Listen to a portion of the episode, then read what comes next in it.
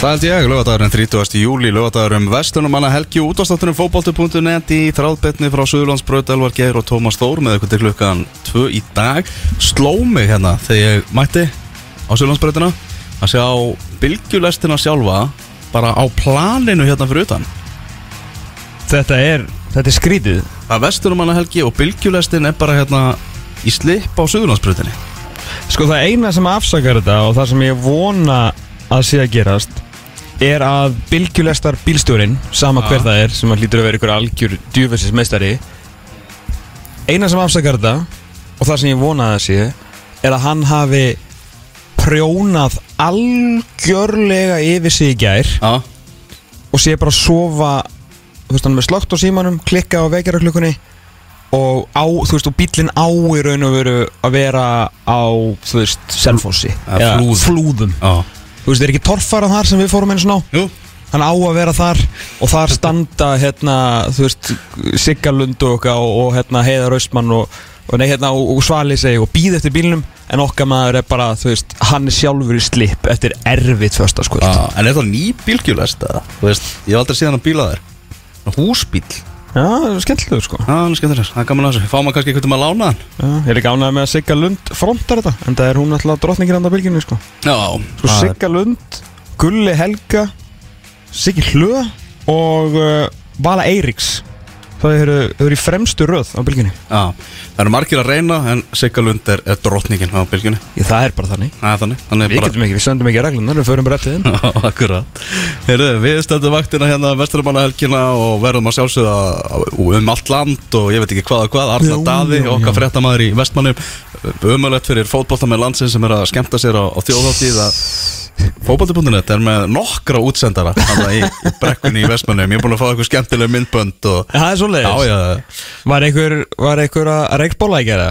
nei, veistist nú ekki vera. Fólk var með gleðina af opni. Já, það er gott Ég sá ykkur á svona lengjudeldarleikmenn en það er í góðu lagi því að lengjudeldin er búin og, og ef þú ert að, spil, lokið ef þú ert að spi, spila í lengjudeldin og ert ekki í eigum þá er það eiginlega bara skammarlegt sko. Já, nefnum sett á flúðum Það nefnum sérst á flúðum. Alltaf er bylgjulestin ekki þar. Nei. Nei, við heyrum í Arnari Daða hérna á eftir og svo ætlum við að eh, fá Þóri Hákonarsson í heimsóttil okkar, hann draðans að ræðum peningana sem að vikingur og breyðarbleikur að fá fyrir í sínum Evrópa-æventýrum og einnig um svona bestu dildina, hvernig svona þetta markas fyrirbæri hefur gengið á, á fyrsta ári þegar að dildin núna langt komin. Já, hvað er, hvað er búið, hvað er eftir, hvert er það hérna, stefna, hvernig er þetta hefnast? Já, hvernig verður ofsalugur oktober Það verður ofsalur Hann verður ofsalur, það er alveg, það er alveg morgunljóst. Mm. Heyrðu, svo er það enski boltinn, hann er að fara að byrja á föstu daginn, enska úrvarsleildin Við erum að tala um það að Tryggvi Pál Tryggvason okkar sérfæðingur í Manchester United fræðum allar aðeins að vera á línunni hjá okkur. Enda margt merkilegt að gerast hjá United. Þeir rempast eins og rjúpan við staurin að fá leikmann sem vil alls ekki koma til félagsins, Frenkie de Jong. Og reymbast eins og rjúpa við stöðurinn að halda leikmanni sem að hefur engan áhuga að vera hjá félaginu Cristiano Ronaldo. Ah, Ronaldo verður eitthvað til umræðin við ætlum svona, já fyrri eh, hluta þáttarins, þá ætlum við að eh, skoða helstu fréttirnar í íslenska boltanum. Bestu deltinu, það eru náttúrulega tveir leikir sem eru í dag, þjóðháttíðaleikurinn sjálfur, það er IPVF og Keflavík sem að mætast og eiga menn á, á flottu skriði, búin að vinna núna tvo leikir röð, Joey Gibbs, hann er komin frá Ástralíu. Nú, ok, Já. þeir bara í fínum málum ánans Já, já, en hann er mættur aftur, margir sem spáðu því að hann myndi ekkert snúa bara aftur til Íslands. En uh, keflugingar byrstu mynd á honum á samfélagsmiðlum í gær sem hann er bara mættur í klefan með bros á, á vör, uh, nýjórðin pappi og, og bara í stuði. Svo er það náttúrulega stjarnan Víkingur sem verður líka klukkan 2 á eh, Samsung vellinum. Uh, leikur þar sem að já, le þessi leikur náttúrulega færður svona til að hliðra til fyrir, fyrir Víkinga sem eru í þessu, þessum Evrópu verkefnum. Og það verður engin kristall í þessum leik. Nei. Hann er búin að spila sinn síðasta leik í bestu deildinni Já, það er sjónarsvipur að hérna, sjónarsviptir að e, missa Kristall e, Mána Ingarsson sá hefur búin að skemmta okkur og, og ég fór að pæli því sko að hann setti hann tweet í, í gær þegar hann var að hérna, þakka fyrir sig á, á Twitter og, hérna, og þakka þessum stuðnismennu Vikings og allra hinna við hérna fyrir að hafa látið hann heyra. Mm -hmm. sko hann hefði átt að byrja sussin miklu fyrr. Já, Þú veist, þetta hefði átt að vera svona signature move en að vera sussa, sko En, En, en sko, hann er búin að taka sussið meira heldur en fólk hefur tekið eftir sko. Þegar við fórum að skoða eitthvað gamla myndi frá hann í fyrra, Ok. þá, þá var hann alveg sussandi og allt sko. já, ok, ok Þetta var ok. bara í fyrsta sinna einhvern veginn sem þetta vakti aðtikli þegar hann fekk, hana, Já, já fekk rauðakorti í, í Svíþjóð sko. Þannig að Já, hérna búin að vera heldur betur uh, flottu þæk fyrir, fyrir vikingana og svona góð dýl fyrir báða aðila kemur náttúrulega heim og hérna það var ekki alveg að ganga hérna með Danmörku þá kemur við heim, uh, tvöfaldur mestari besti leik, veist, annar og þeim bestu leikmann deltarna núna, besti ungi leikmann á síðustu leiktið uh, fimm mörg í Evrópu, búin að koma liðinu í næstu umferð. Og búin að það er ekki hægt að með mikið betra og síðan seldur fyrir flottan pening með, þú veist, og, og vikingar halda áfram að að hagnast á honum. Um leið og hann fyrir að spila og gera eitthvað fyrir, fyrir hérna Rosenborg og er ekki bara næsta stoppa að sjá uh, glókolling geðþekka í svona kannski eftir einhverja mánuði, jafnvel eitt ár í íslenska landsliðinu? Mm, það var skemmtileg. Hmm. Það var skemmtileg að Já, og hann náttúrulega Já, gríðalegt skemmtarnagildi innan sem utanvallar. Hann Kristall, það vandar ekki. Er það hans síðasti leikur fyrir vikinga Það var þessi leikur á, á í Wales, eða leitar á Englandi þar sem að þeir spilaður hinum við, við landamærin uh, The New Saints, TNS 0-0, þetta var ekki mikil skemmtun. Nei, sko hérna uh, sko, sko, sko. 20 gráði hitti skrjáfa þurrt gerugras þau vissu alveg hvað er alltaf að gera strákarnir í uh, hérna Total Network Solutions. En allir þeir ekkert að skora sátt í leiknum með það Jú, þeir, sko, þeim náttúrulega leið betur með þetta því þarna í, á svona, við svona aðstæður gáttu þeir bara hengt boltanu upp á, á stóru strákana þarna og reynda að vinna síðan setni boltan því að þeir kunna á þetta. Veistu hvað það myndum á? Grasið, snemma leiks, þess að vikingarnir voru mikið að reyna svona sinn hérna, fagra fótbolta einhverja snöggar sendingar, setja hann í hérna, hlaupið hjá bakgrunum og reyna einhverja stungusendingar. En boltin alltaf rullar ekki eins og á á blöytu gerðugrassi og þeir voru lóðast að lengi fannst mér og eiginlega bara í 90 mínútur að átta sig á þessu. En þú veist, er eitthvað reglur um þetta hjá UEFA? Þeir eru að, þú veist, agnúast út í eitthvað perur í flóðljósum að þess ekki nægilega ster, nægilega sterkar? Ég sko ekki bara út af skemmtarnagildinu Þetta er líka stór hættulegt. Já. Það er eiginlega aðalatrið sko. En eftir eitthvað svona, ég manni hvort það var svona 12, 13, 14 mínútur í leiknum að þá gerðu vikingar þar sem að stjörnumenn gerðu nú hér að listgrein á sínum fyrstu árum í, í eh, það sem var þá Pepsi-deildin að þrjum honum bara svona nokkuð fast yfir vatnalínuna og láta fljótan mann hlaupa. Því að hvað gerist á skrjáa þurru gerurgrassi boltinn stoppar, hann spýtist ekkit áfram.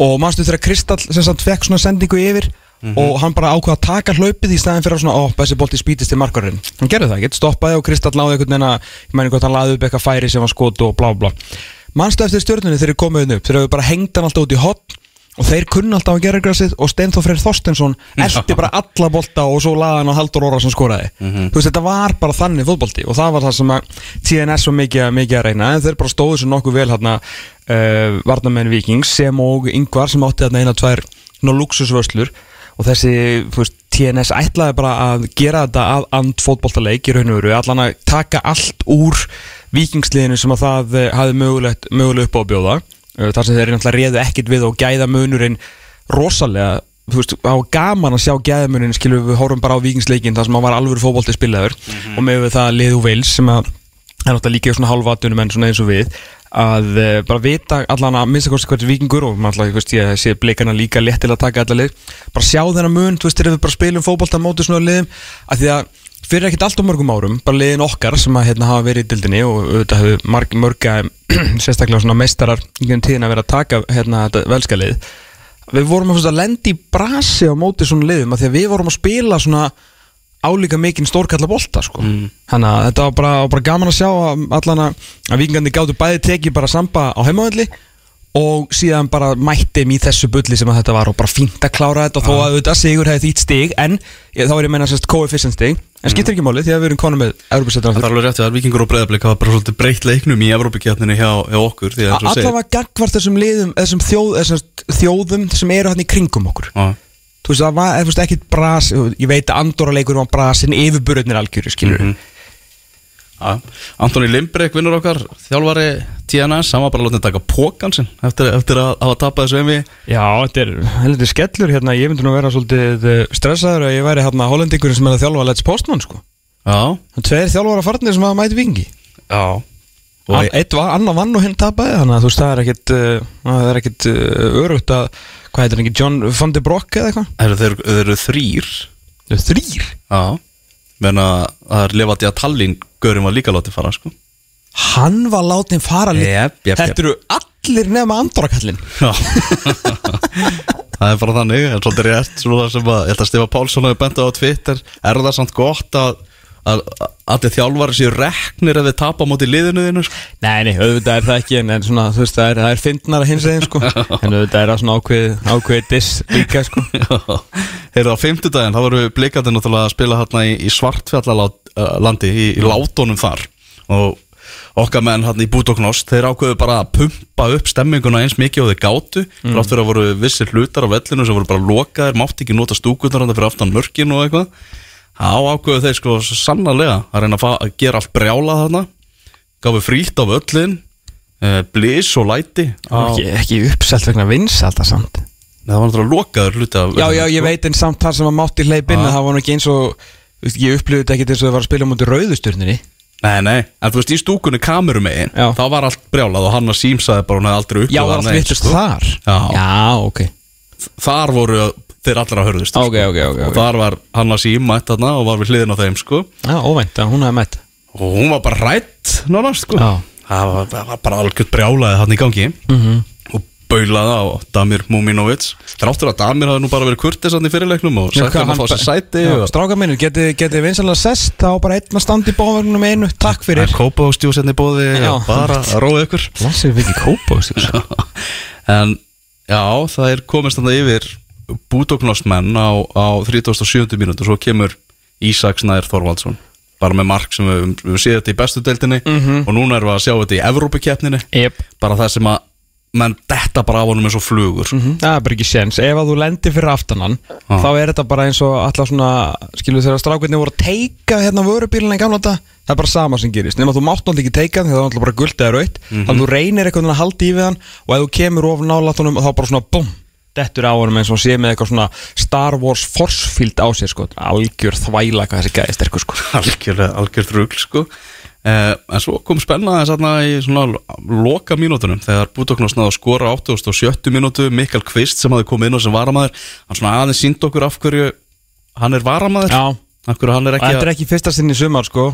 Nei, hann, hann er alveg svona out and out sko lítir ef þetta að segja svona ef við værum að ve- verðlauna slakasta leikmann í hverju lið þá Já. er hann eiginlega þar sko. Já, hjá blíkunum hann bara, þú veist glimti sér, hann var bara ekki með hugan við þetta sem svolítið skrítið, þú ert að í Evrópuleiku, þú ert að berjast fyrir því að fá fleiri spilmínútur. Mm -hmm. en þetta blessaðist alltaf lokum og þrátt fyrir þetta tvöðtap, það var að blikarnir áfram.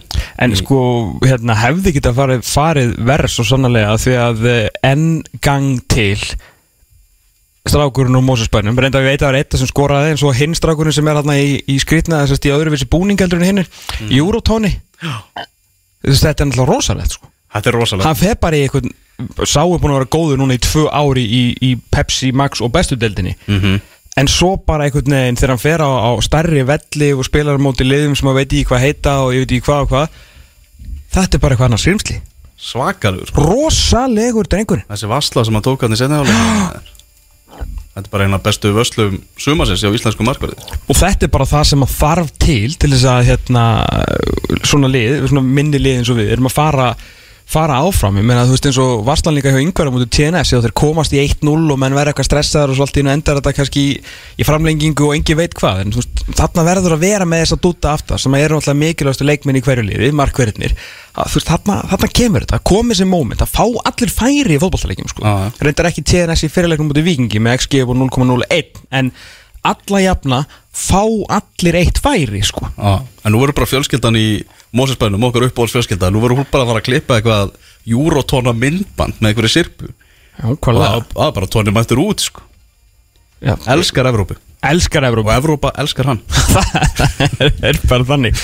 En hérna, annar próf, ég veit ég tapa En, en hérna skora samt þetta flotta mark Og voru uh, góðir að mörguleiti blikarnir þannig að svona alltaf vera að tala um hvað gerist þú veist, ef vikingandi fara eitthvað nart í hælan á þeim en þú veist, síðan er þetta að fara eins og ég veit við vorum að tala um það síðast þetta eru nokkri leikir inn í í bestöldinni þetta sem hafa verið að gera jættibli og eða verið hefnir svona ekkert hefnir að vinna kefla ekki bara komið tilbaka með stæl þar og gegja mark og sækja sig að víti.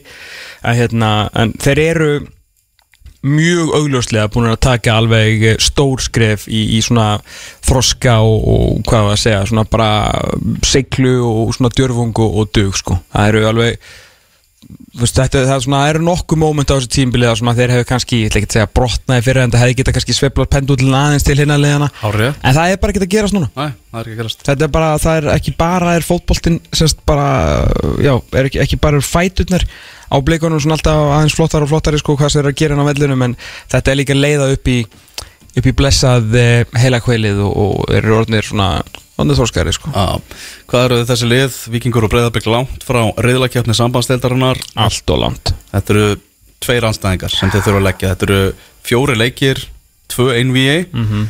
og náttúrulega svakalegir anstæðingar í næstu umferð hjá báðum liðum. Legg Postnan frá Pólandi sem að mætir Víkingum.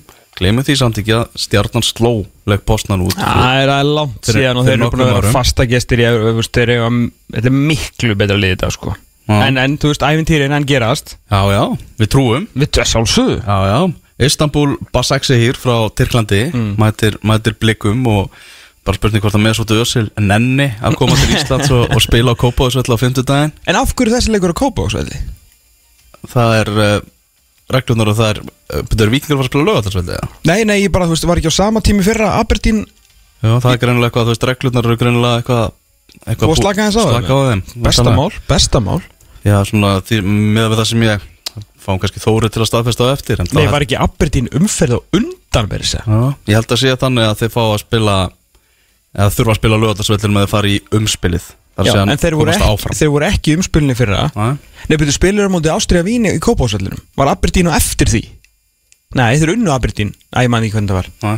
En þeir allan að þú veist, þeir voru komnir Þeir fyrr mega á, allavega að spila á Kópavöðsvelli það, er, það eru góða fréttir. Það eru góða fréttir. Já, Þannig að þeir verða, verða þar á heimavelli Bæðilið byrja heima og þetta er bara á næsta fimmtudag já, þá verða báðir þessi leikjur og ég við bara hvetjum alla til að, til að mæta hana.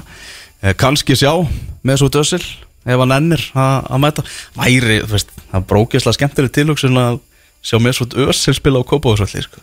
það er bara ekki dæðilega fyndið Og Já. skemmtlegt Já.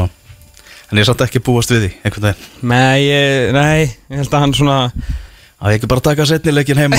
Já, Ég býð hérna strákar, farið og rætti þessu sko. Já, það er þannig. Heyrðu, það var náttúrulega glugginn. Glugginn lokaði. Það var gluggadagur í vikunni. Já, Og margt skemmtilegt Svona, margt óvænt í, í glugganum. Ég bæði hérna Já, óvænt á svona góðan og slemmáta Þú veist, sumir svona sem kannski gerðu minna en menn hefur búist við En líka eins og segir, já, og óvænti hlutur að gerast. Mm Hvað svona fannst þér stærst á gluggadaginu? uh, Stærst? Guði Lýðis? Nei Það var einhvern veginn alveg, alveg búið. Og að hann sé að fara í lið sem hefur enga keppa í lengjadöldinni Kýtla mig ekki mikið sko. Nei. Það verið nánast non-faktor eða skilur var faktor í ógeðsla lélugu eigalið Já. hefur verið non-faktor í góðu eigalið og fer núna í lið í B-delt sem að, þú veist, í delt sem er búin Það var alveg ljóst að þetta var búið millir hans og hemmar hreðars Já, ég Bara þeir gá- gátu ekki unnið Nei, nei, þú veist, það, það er bara þannig sko Fyrir að þrátt fyrir að Guði Lýðis hafi sagt þannig viðtalið að það væri búið að grafa stríðsöksina þeirra á milli og, og það væri bara áfram gakk og eitthvað þá, þá veit ég það bara það var þannig að það, það var alveg ljóst og allir sem vildu sáu það að þetta myndi ekki ganga áfram Já, ég meina þá að það er ekki eins og sé hérna einhver aðkomaður eða eitthvað sem að það ekki ekki til í Vestmanni um að, að þjálfa í BUF það er engin leikmaður uh, á þessu sko, á þessari jarðar á þessari jörð að fara að vinna eitthvað stríð við Hermann Reyðarsson þegar hann þjálfur í þjóðu bandalega Vestmanni sko. mm -hmm. það er bara ekkert að fara að gerast Þannig að ég held að þetta hafi bara verið góð laust fyrir alla aðila að hann, hann hvar hann á braut mm -hmm. Skríti múfi samt sko að hérna Grindavík einhvern veginn ekki í þeirri stöð þú veist, eða þeir væri í séns á að fara upp þá er Já. skilt þetta 100% mm -hmm. uh, uh, kannski En Gau- En Gauði tala sjálfur skilur um það að á næsta ári ætlaði bara keira á þetta. Já, já, já, ég veist, það, það er alveg, þá er þetta alveg skilja Þetta gerir ekkit fyrir mig, fyrir mig akkurat núna. Nei, ég meina, bara ekki, að í lengjudeldinni gera nánast fyrir mann neitt núna. Nei, og þetta er engin, þetta er engin missir fyrir. IBVF, fattur þetta, þetta er algjört, þú veist, þetta er bara flatline. Þú veist, þetta move í dag sem er mjög skrítið því að Hann kom, hann kom með smá skot síðan og hemma hann í Vitali eftir, eftir leikin Já, heimir var að segja um þetta. Já, það sagði það, það var allt annað Já, já. Allt annað bragur eftir að heimir kom inn í þetta. Emmitt, emmitt Já, sem er bara alveg tölfræðan segja það síðan alltaf Já, já. ráðgjafin fór á bekkin en, en ég meina, þú veist, ég var hann að nála bekkjónum í leiknum, þú veist, leiknir í BVF mm. og hemmi er hann fremstur í bóvagnum og er að stýra þessu, skilur við Já, alltaf en, heimir en auðvitað hefur heimir haft þú veist, hef- hefur haft sína rödd í þessu það er klart mál Já, maður þarf að gíska á það að heimir sér betri leikreinandi með hvað sem hann er búin að gera með íslenska landslið heldur en heldur en hemmi Já, og náttúrulega mjög góður svona maður og mann en síðan náttúrulega er hemmi með allt hitt sem að IBF á að, á að standa fyrir og þú veist það er ekki eins og ef að gera slæma hluti. Ég meina gæðin kom þrótt í vógum upp í lengjudeldina þannig að þú ert einhvern veginn með hlýtur að vera trillt blanda Herman Hreiðarsson og Heimir Hallgrímsson. Förðulegt maður aldrei giska á þetta fyrir þreymur árum sko. En þetta opnað þú faðminn ef að heimir Hallgrímsson býðst í, í, í ráðgjöf sko. Og besti þjálfari Íslands sögunar basically býðst til þess að aðstöði þar til að hann finnur ykkur aðra vinnu. Nei takk, ég er bara góður. Já, nákvæmlega. Eru hann að já, svo líka náttúrulega tíðindu vestmannum að, að markverðurinn Haldur Páll Gesson sem að misti stöðu sína í rammanum. Já, hann er fóð bara á KFS þannig að Gauði Karra er bara orðin ósnertalögur, hann er bara orðin markmaður á það nummer 1 já, ég meina þú veist ákvarðanir hérna, ég meina þetta er áhugavert að, áhugavert að gera þetta en, en ég meina eins og hefði skiptir þetta markmann og bara stendur með því og það hefur alveg svínvirkað hinga til en mér finnst þetta mjög svekkjandi. Ég auðvitað setti stór spurningamerki við Haldur Pál fyrir tímbili hvort að hann væri hérna, bara, ja, það er góður að myndi hjálpa IBF í þessari deild en ekkit að því að mér finnst það eitthvað slagur ég bara veist hann átti eins og nokkir eftir að sína þetta. Ég veit að hann var búin að spila áður í deildinni og fekk svolítið hæp í svona, þetta er svo típi svona 5, 6, 7 umferðir en síðan var hann svona uh, veit ekki alveg með hann og áður hann fekk eitthvað rönn í deildinni þá náttúrulega er fallaðir þannig að maður þarf svona að býða eftir að hann einhvern veginn taki sensin aftur og Já, það er alveg auðvitað mála, það er lítið sem ég get bætt við það að hann sé núna komin í fjóruðdeldina sko. Nei, það bara að segja sitt sko. og bara spurði hvort hann En, en að hvernig er það? Ef eitthvað kemur fyrir karra Mm. Er þetta ná í hann aftur veist, Nei, þeir, eru, getur, þeir eru með eitthvað ungan strák sem að bara kynntu að yrði varamarkmaður. Það er bara þannig. Þannig að Haldur Ból spila bara ekkert meira fyrir það. Hann hann Jón Kristinn. Hann, hann verður bara Snæholm á Ringbröð Nei, á hérna INN Nei, ekki hann. En hann er uppalinn, Jón, Jón Kristinn er bara þeirra, Ah, ok. þeirra, þeirra strákur og ég maður séð hann og bara lítur vel út sko. Ok Þetta þetta er leðilegt því að Haldur hefur allt til brunns að bera og maður held bara fyrir svona, pff, hvað var að segja, fjó, það fjögur ár kannski? á, en þeir geta ekki kallað hann tilbaka það er bara glukkin er lokað Já, einmitt, og einmitt, þú kallar ekki lánsmenn tilbaka sko. Nei, einmitt Skrítið Þannig, já, nú er bara leikliðin bara með hópana sem þeir eru með um, Svo er það náttúrulega Valur Óli Jó setti, sótti Lasse Petri í þriðja sinn Annað sinn sem að sækja hann í, í, í, í val Já, þetta er, Þetta var óvænt er það? Já, að Lasse Petri hafi eitthvað farið strax í val. Þetta Sko- kom þér ekki ávart Ok, ég var orðað þannig að þetta kom mér ekki óvart þegar þetta gerðist. Veist, ég hef ekki giskað á þetta en síðan gerðist þetta og er bara, já, þú veist, Óli elskar Lasse Petri þá vantar uh, mannin á miðuna í raun og veru. Já, uh, sérstaklega eitthvað sem getur dreft boltanum aðeins og, og hérna komið um í spil eins og Óli vil spila og hann veit alveg hvernig hann vil spila með þetta valslið og, og þetta er kannski full mikil fortíðar þrá? Næsti leikur á móti F og ætla megi spila þann leik? Uh, vonandi nefn að sé sama bulli í gangi og stjórnunu og fram. Já, menn ef maðurinn er seldur þá veist hann bara kjaftaði að banna mannum að spila. Algjörst kjaftaði og við erum náttúrulega að tala um Brynja skauta dæmið. Mm Mhm. bara fyrir aðeins í það. Já, ég menna stjarnan til þess ekki að hafa nót fyrir Brynjagöta hann sé bara ekki nægilega góðu fyrir þá. Mhm. selur hann í fram og eru sann hrætti við að mæta honum Já, sko, þetta er náttúrulega, þetta er algjör bull. Og hérna, þetta er, það er svona nokkur nokkur leiðarar á þessu, sko þetta er, verða allir að gera greinamun á því að milli þeirra leikmenn eru lánaðir og eða bara seldir frá félaginu, að þetta er náttúrulega allt annað dæmi og þú náttúrulega bara sett í lánsamninga að þú ert að lána eitthvað leikmenn í sömu að hann spil ekki á móti þér. Því það er náttúrulega fyrir utan það að þú vilt ekki að þessi leikmæður skori á móti þér eða gera eitthvað, þú veist eins og hvað er nýjasta svona eitthvað alvöru láni, ef með Adam Örn í leikni þú veist, flott, flott sannig þar. Hann kemur á láni Já. og leiknir á eftir að mæta breyðabliki held ég alveg örgulega ekki á útöðli og ég ætla að giska að Adam megi ekki spila á múti breyðabliki meðan það, annað, það kemur á óvart. Mm. það er alltaf bara óþægileg staða fyrir alla. Já, að þú ert að spila á í eigu, já. og það getur allur fjandinn gerst. Ég meina hann getur bara dottið á Höskuld Gunnlaugsson algjörlega óvart og hann slítur krossband. Þú vilt ekki lendi í þessu. Þannig að þetta er allt annan dæmi þegar leikmaður þú ert í þinn eigu. Ok en síðan selur leikmannin frá þér. Og auðvitað, auðvitað getur það verið þú veist, með, þú veist að þau eru ekki allir leikmenn að vera seldir af því að þeir eru ekki nógu góðir fattur stundu bara gerast hlutir. Þú veist það að Brynja Gauti Guðjónsson er alveg nógu góður til að spila fyrir stjórnuna og allir mm. og að fullta leikmennu sem hafa verið að hérna eru seldir í gegnum tíðina. Þú veist Það að er ég segja ekki ekki bara henda því sem að þeir voru að fara að gera. Nei, menn hann kannski bara átti ekki, átti ekki fastsæti eða þú veist, þeir eru að horfa eitthvað til lengri tíma þú veist, eins og segja, það er Það bara var bara í fristikistunum tíma, utan hóps algjörlega, algjörlega. Þannig að ég er meina að skilja það er til alls konar ástæði fyrir því að menn fara frá liðum það þarf ekki alltaf að vera hérna, að því að maður bara ekki nógu góðu fyrir liðið þitt og svo allt í hennu, að þetta er svona alltaf þú veist, röksandafæslan sem er notuð sko. En mér finnst hún þá þessi rétt það bara skipta einhver máli í hvaða heim eða geimi er þetta bara löglegt? Banna manninum með einhverju, er þetta heiðusmannsangula eða er þetta pappir Ég veit það ekki. Það verður- ekki komið fram. Þú veist, og svo náttúrulega, þú veist, og það mun ekkert gerast ef að fram teflir Brynjar fram í þessu leik, sko nema það að eh, næst þegar að liðin skilur er að fara að skipta á leikmönnum eða eitthvað að menn vera rosa fúlir og gegja svona einhverju svona íslensk sveita stjórnar pólitíku og eitthvað svona. Það það er er bara að brjóta heiðusmanna samkomlega Segja bara, já við lofum því, við spilum honum ekki. Hvað er heiðursmanna samkomulega í fótbolta þetta er business, sko. Já, já. Þú veist, ég kaup ekki hluta En ef þú gerir þetta þessu á Já, annar ég, borð ég þá, þá þetta, er bara- stendur þetta við er það. bara svo mikið bull. Já, það er bull að veist, gera er þetta En þú gerir ekki heiðusmanna samkomlega og brýtu það Jú, jú, Nei, þetta er algjör þvæla, það sko. bara algjör þvægilega að gera þetta samkomlega Já, þetta er alveg, þetta er svo, þú veist, ég, bara- ég fatti ekki hvernig það getur bara mátt. Ma Mætti vera löglegt, skilur Þú veist, ef að bara uh, Leiknir selur eitthvað leikmann í KR eða eitthvað. Mhm.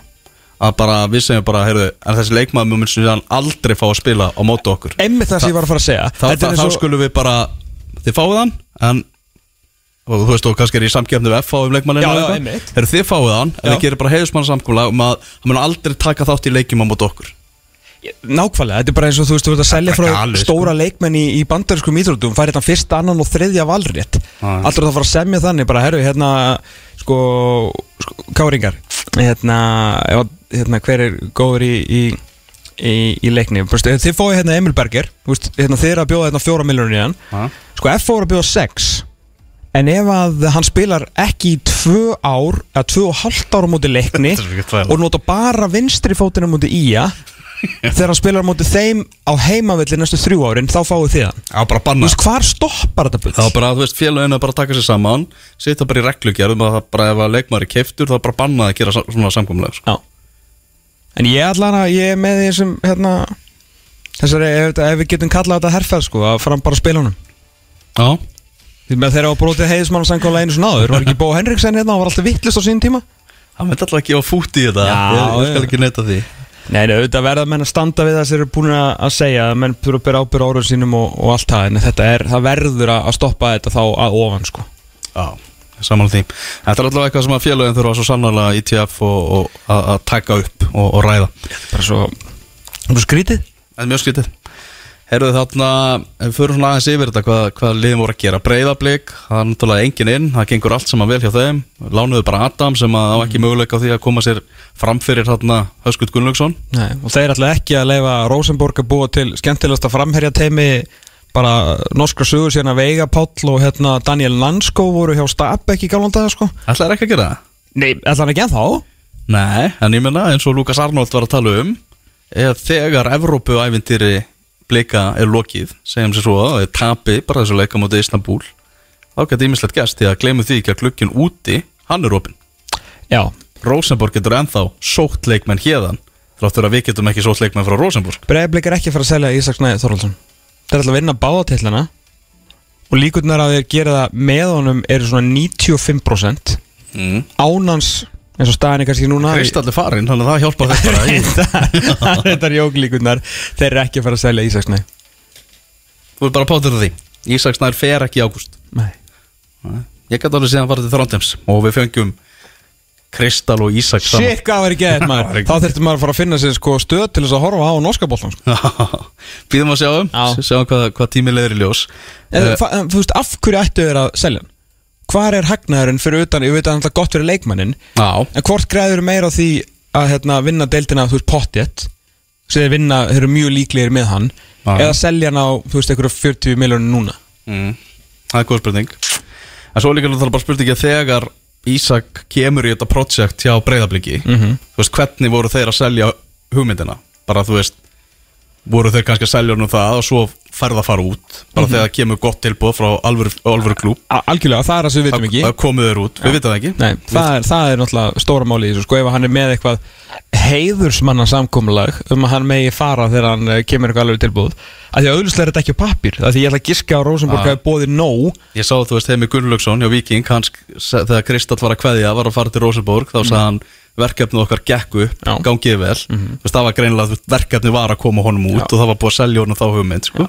En náttúrulega samanskapi mu- eini munurinn er er að Ísak skilur kom hérna kannski svolítið beigður uh, úr aðdurmennsku á Skagan og blikarnir eru gjössanlega búin að bjargunum á meðan að þú veist Kristall kom bara beint í Viking sko, það er svona aðeins annað verkefni en Já. ég, ég, bara, ég skil ekki af hverju blikarnir verið búin að selja hann alltaf að selja hann sko. mm. Hjá Vikingum Kristall Máni út og Daniel Djuric inn mm Mhm. uh, Káa fekk slóvenskan miðvörð eins og við skupuðum í, í, í þættinum. Já, uh, Gaber Dobrovic heitir hann. Þetta er svona nokkuð sloppið með hann á framburð. Og uh, svo náttúrulega Hrannar Björn komin aftur úr láni kom í, kom í glukkanum og búin að standa sig vel. Uh, Stjarnan það var, það var peningar í kassan í Garðabænum í, í þessum glukka selja Ólafur Lómasson náttúrulega til Sirius, Brynjar Gauta í fram og svo Oliver Horrits í Háká. Já, sem Oliver Horrits á að fylla skarðið sem að Stefán Ingi Sigurðarsson skilur eftir sig þegar hann fer núna í, skóla í bandaríkanum já, enda Stefán búinn að koma háka upp og getur bara farið í, í nám aftur bara alveg samvinsku laus Já, og lítil pressað á Oliver. Já, hann getur spilað sér í gang bara. Já, nákvæmlega. Herðu, já, svo er það uh, Já, það var tíðendalítið í, í Vesturbænum þar sem að uh, Emil Ásmundsson var lánaður til, til fylgis aftur, vonandi fyrir nær hann bara ferlinum aftur á eitthvað skrið. Uh, Svo kjaplugingar, þeir letu bara alveg félagskiptamarkaðin vera þetta sumarið, mistu náttúrulega Ívan, hinn fræga. Uh, Framarar, flottu gluggi á þeim, fá náttúrulega bæði Brynja Gauta og Almar Ormarsson. Reynslu hann inn Já, þeir líka skulduðu góðan glugga eftir, eftir lélegan vet, vetrarglugga Reyndar, en, en dundur gluggi Þú veist, skilur Almar þessi bara grjótharði, solid 100% gæi með tengsli náttúrulega í framleika áður og með ótrúlega marga leiki sér deild og síðan Brynja Gauti sem er bara smollið eins og flýs við rassana í verðarleikin Þannig að já, verulega góð gluggi. Mm. F-fóðingar sóttu ekki miðvörð. Þeir hljóta hafa reynd alltaf. Já, fjandinn hafið það Það getur ekki að vera Nefna þess, nema þess ég bara búin Þú veist, ekki, þau get ekki verið búin að gefast upp. Ef þau verið sjöfundas eða áttundasæti Þá myndi ég segja bara, já ok, ég skil að Þeir ætla bara að gera þetta í vetur. Já En þeir eru samt í fallhættu, sko. Mm Þannig að þetta var, var mjög skrítið að ná, ná sér ekki mann. En svo segir þeir hljóta að hafa Tsekka eitthvað um markaði, sko. Ég trú ekki öðru, annað væri bara gjósalega galið. Já. Herðu Magic, Pólverien, hann er farin uh, Herðu því miður, þetta eru bara Meða við eh, vonir væntingar og hæp Þetta Já. er einn lélegustu kaup í bara fótboltasögunni síðasta áratugin Það er ekkert annað Nei, þú verður bara, þú Já. þeir ekkert að fara í fílu við þessu statementi, sko, þetta var algjör hörmung, sko, Já, og ekki hjálpaði til ef hann hefði komið bara 18. apríl, daginn fyrir leik Mhm. en það þýr ekki að láta mannin mæti í februar rull upp undirbúinistímpilum og það bara eitthvað, hvaða dutta er leikni búin að fá hérna skoraði hver með einasta leik ekkert eðlilega góður og svo bara gata hann ekki raskat í bala, sko Mm. og farin í eitt, Og- og fyrir eitt góðan leik eða eitthvað og fyrir utan það, svona vonur og væntingar að vekja því að það er fálið ef eitthvað, jafn uník og leiknir með hérna alla þessa uh, öll þessi þjóðverðin í kringu sig og reyna að fá hann til að vekja upp veist að Þa, það, það, besta sem að gerði var eiginlega, þú veist, það var smá verkefni sett að stað með, þú veist, innflytjendur í breiðolti að pólskum uppruna, sko. Já þannig að þú veist, hann gerði þó vel utanvallar í svona því að Það var skoraði eitt mark Já, á móti FH þetta er gott mark. Já, tryggði stig. Já, þetta er ég Já, já, en, Nei, þetta var, þetta var hörmung því miður. Algjört flopp og, og komið náttúrulega Dani hérna í staðin á láni frá Freysa. Já, Ég veit ekkert um hennar leikmann en við leiknismenn getum allavega að hugga okkur við það að hann er pottið ekki að fara að skila minna heldur en, heldur en Matsik sem er, sem er farin sko. nei, þetta er, þetta er, þetta var mikið synd með, með Magic Því að eins og maður sá á prísi svona þá Og það er ekkert alltaf svona, stjörnur menn þetta er einhver stærsti prófíl sem við fengið. Já, já, að svoleiðis gæjar mæti í, í snjókomu hérna á gerfigrassi og gettogránd og sé bara pakka liðinu saman. Þá var maður bara, heyr okkur, þetta er gæi með alvöru karakter. Þú veist, þessi gæi vill gera eitthvað. En svo bara, já, fóru svo fór. Hrikalega leðilegt Já, heyrðu, Adam Örn Arnason, hann kom náttúrulega frá breyðabliki Vissur þetta þegar, hérna, þú varst að auðlis eftir honum hérna fyrir viku eða? og þeir var auglis eftir honum Já, við vorum, ég, hérna, vorum að tala um að þyrta að fara eitthvað þú sagðir, hérna, hann ætti bara að koma í leikni að hann væri með Nei, svo mikla nei. fjölskyldengar og svo bara 5 klukkutíma setna var hann komin í leikni. Já, já, þann dag. Já. þá vissi ég það. Já, ok. Já, já. Heyrðu, hann að kjálfarið þá náttúrulega fór Arnór Ingi Kristinsson í val. Það var bara svona, já, spinnaðast upp hann bara á glugga deginum Mm. og skyndilega var Arnór Ingi komin í val. Hérna, hvað er það samt? Já, leiknir er uh, sem sagt, ég vil ekki vera leðilegur en svona með töfnir leiknir lélegasta liði í deildinni. Heyrðu, skæðin er að það Nei, skæði fyrir ekki, fyrir ekki, fyrir annað Ekki, tveimur vera annað með svona stæla. Sorry, sorry, annað tveimur lélegustu liði deildarinnar. Af hverju er gæði sem komst ekki í næst lélegasta liði deildinni komin í val? Já, hann sá náttúrulega bara sang sína útbreyta að mm, fyrst að Adam Örn var komin að hans mínútur er þið Nei, ég skil hann og þetta gerist skiluru hann var ekki á leiðin í val klukkan 12 á háti á gluggadeginum sko. þetta gerist bara á gluggadeginu bara um kvöldið sko. Já, það var nokkuð auðljós, spíralast bara þannig uh, pappans er náttúrulega kittilár jú spilaði með val alveg heilengi þannig að það er alveg stóra tengingar Ok. við val en hann vildi bara komast annað vildi riftun og svo kemur bara ljósa að valur sem er við hann sko. Ok. Uh, ég veit ekki hvað valur hyggst gera með hann. Ég menna hægri bakverður sem hann er svona mestmæknis í, í þeirri stöðu og Mhm. þeir eru með Birkjum á Sæfarsson og þeir eru með Heiðar Ægisson líka. Já, en, en þú veist, ef hann kennst ekki liði hjá leikni 2022 er hann að fara að komast í liði hjá val 2023 Nei, þú veist, ég veit ekki hvað hann getur en það segir mér bara það að hann sé ekki valskóður, ég ætla að giska á valur sem stefnum Íslandsmetra til það næsta ári. Mm -hmm. Já, eh, bara allan skrítið en kannski alveg eins gott að pikka hann upp, við getur ekki kosta á mikið og það reyja svo sem nóg og Men ef hann er ekki góður þá bara fer hann eitthvað. Enga að tapa og hann, hvað sem er að geta að sjá marga mínútur í leikni, þannig að bara æfi með val og... Ég meina, er heiti pottir í klefanum hjá leikni? Nei, Nei, nei, nei, og sér bara, sér bara hvað gerist, sko. já, einmitt. Herðu þarna Skagamenn, þetta var svona glukkin hjá þeim. Var þannig að þið sóttu náttúrulega tvo danska leikmenn, sóknamann og, og varnamann og uh, sem hafa enn ekkert, ekkert sínt og Guðmi Tyrfings fór og Úlfur var hérna að tala um daginn að hún fannst svona innkaupa stefnan skrítin á skáðanum, var ekki að kaupa leikmennina sem er þurrt í kerfi sem er spiluð? Nei, er að kaupa leikmenn í svona fótbolta sem er kannski langa að spila en spila ekki. Já, Þannig að það er engin, er engin uh, durgur hérna frem sem að getur svona náði þessar þessar hálótt á spinnu þeirra Sigurvegari klukkans, er það ekki bara fram svona Jú, ég meina klukki var opinn svo lengi þannig að við höfum alveg fengið smá svona sínishott af því sem að liðin hafa verið að gera og Já, Þetta er- þeir sem eru að kaupa þarna á lokadeginum með ennþá, það er ennþá spurningamerki með ennþá þetta að sjá það virka. Já, það gerði engin, gerði káir eitthvað? Nei. Nei. Kefla ekki það ekki og er þetta ekki frekar ísi að framhafi svona gert bestu hlutuna Jú, og kannski vesti klukkin fyrir FH það var bara ekki náðin miðverði. Já, eins, eins og ég segi, þó að F-fáingar eru vanir að reyna að bæta þessi leikmannum kannski í glugganum til þess að reyna að keppa að titlu með Evrópu, en nú hefði bara þurft leikmann til þess að komast til, já bara svona sigla hægt og rólega frá fallsvæðinu. Þeir vil ekki vera þrejum fjóru stigum frá falli þegar ofsalur oktober fyrir að stað sko. Nei, það er klart mál. Heyrðu, við aðeins í lengju deildina, við tölum um það í síðustu viku að ef að hákaðingar myndi vinna gróftu og ef að fylgir myndi vinna fjölni þá var bara þessar deildin fallega lokið.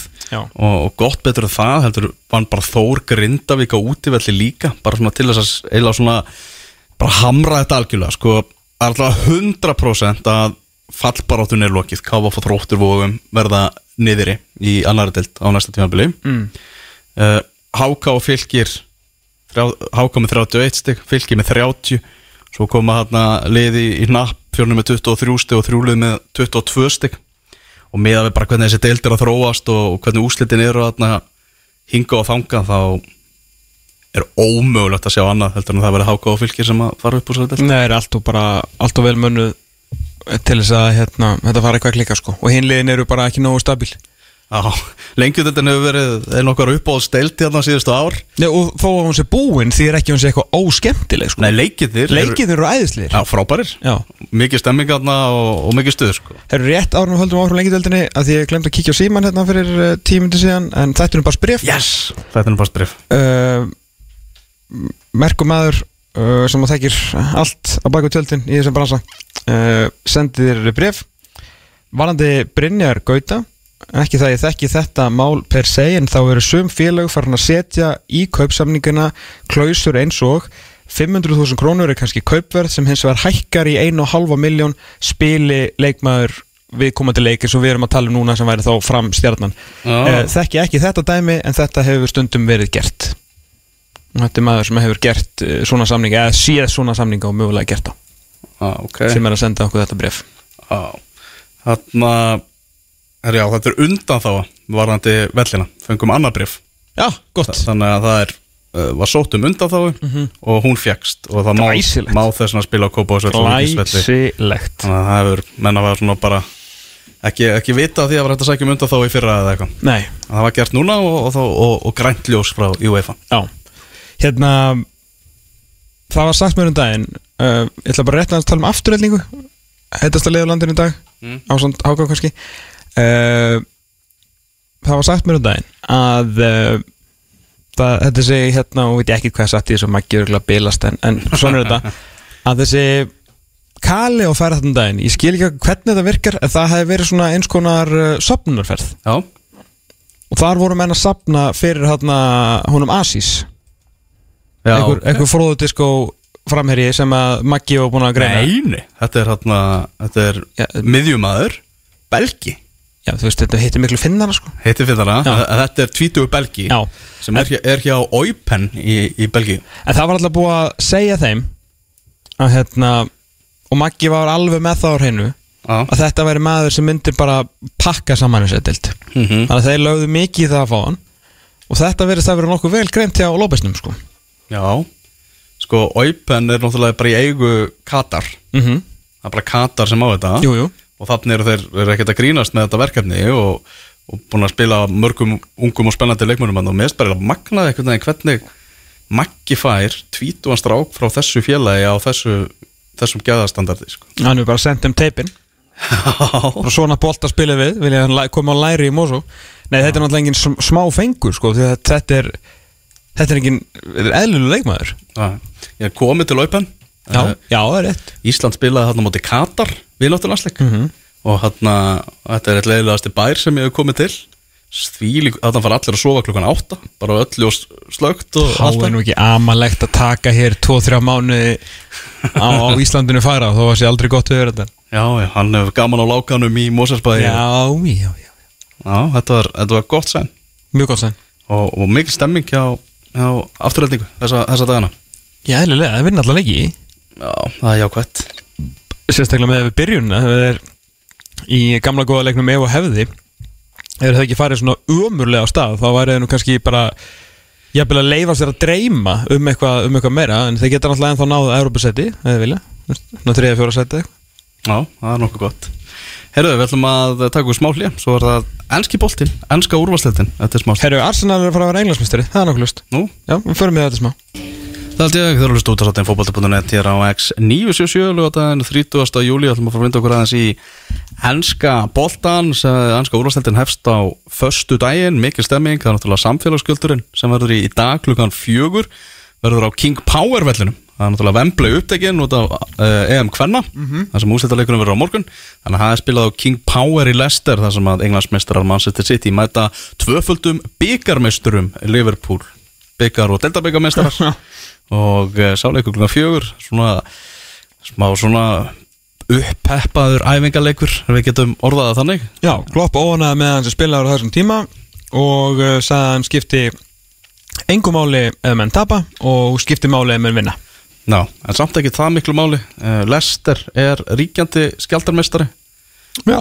Og ég held að það sé voðalega fáir sem bara viti það og gera sér grein fyrir því Ég held að ég hef mögulega ekki geta svarað þessari spurningu í pöpugis Þannig að leikurinn í dag fyrir fram á heimavelli ríkjandi skjaldarmeistara.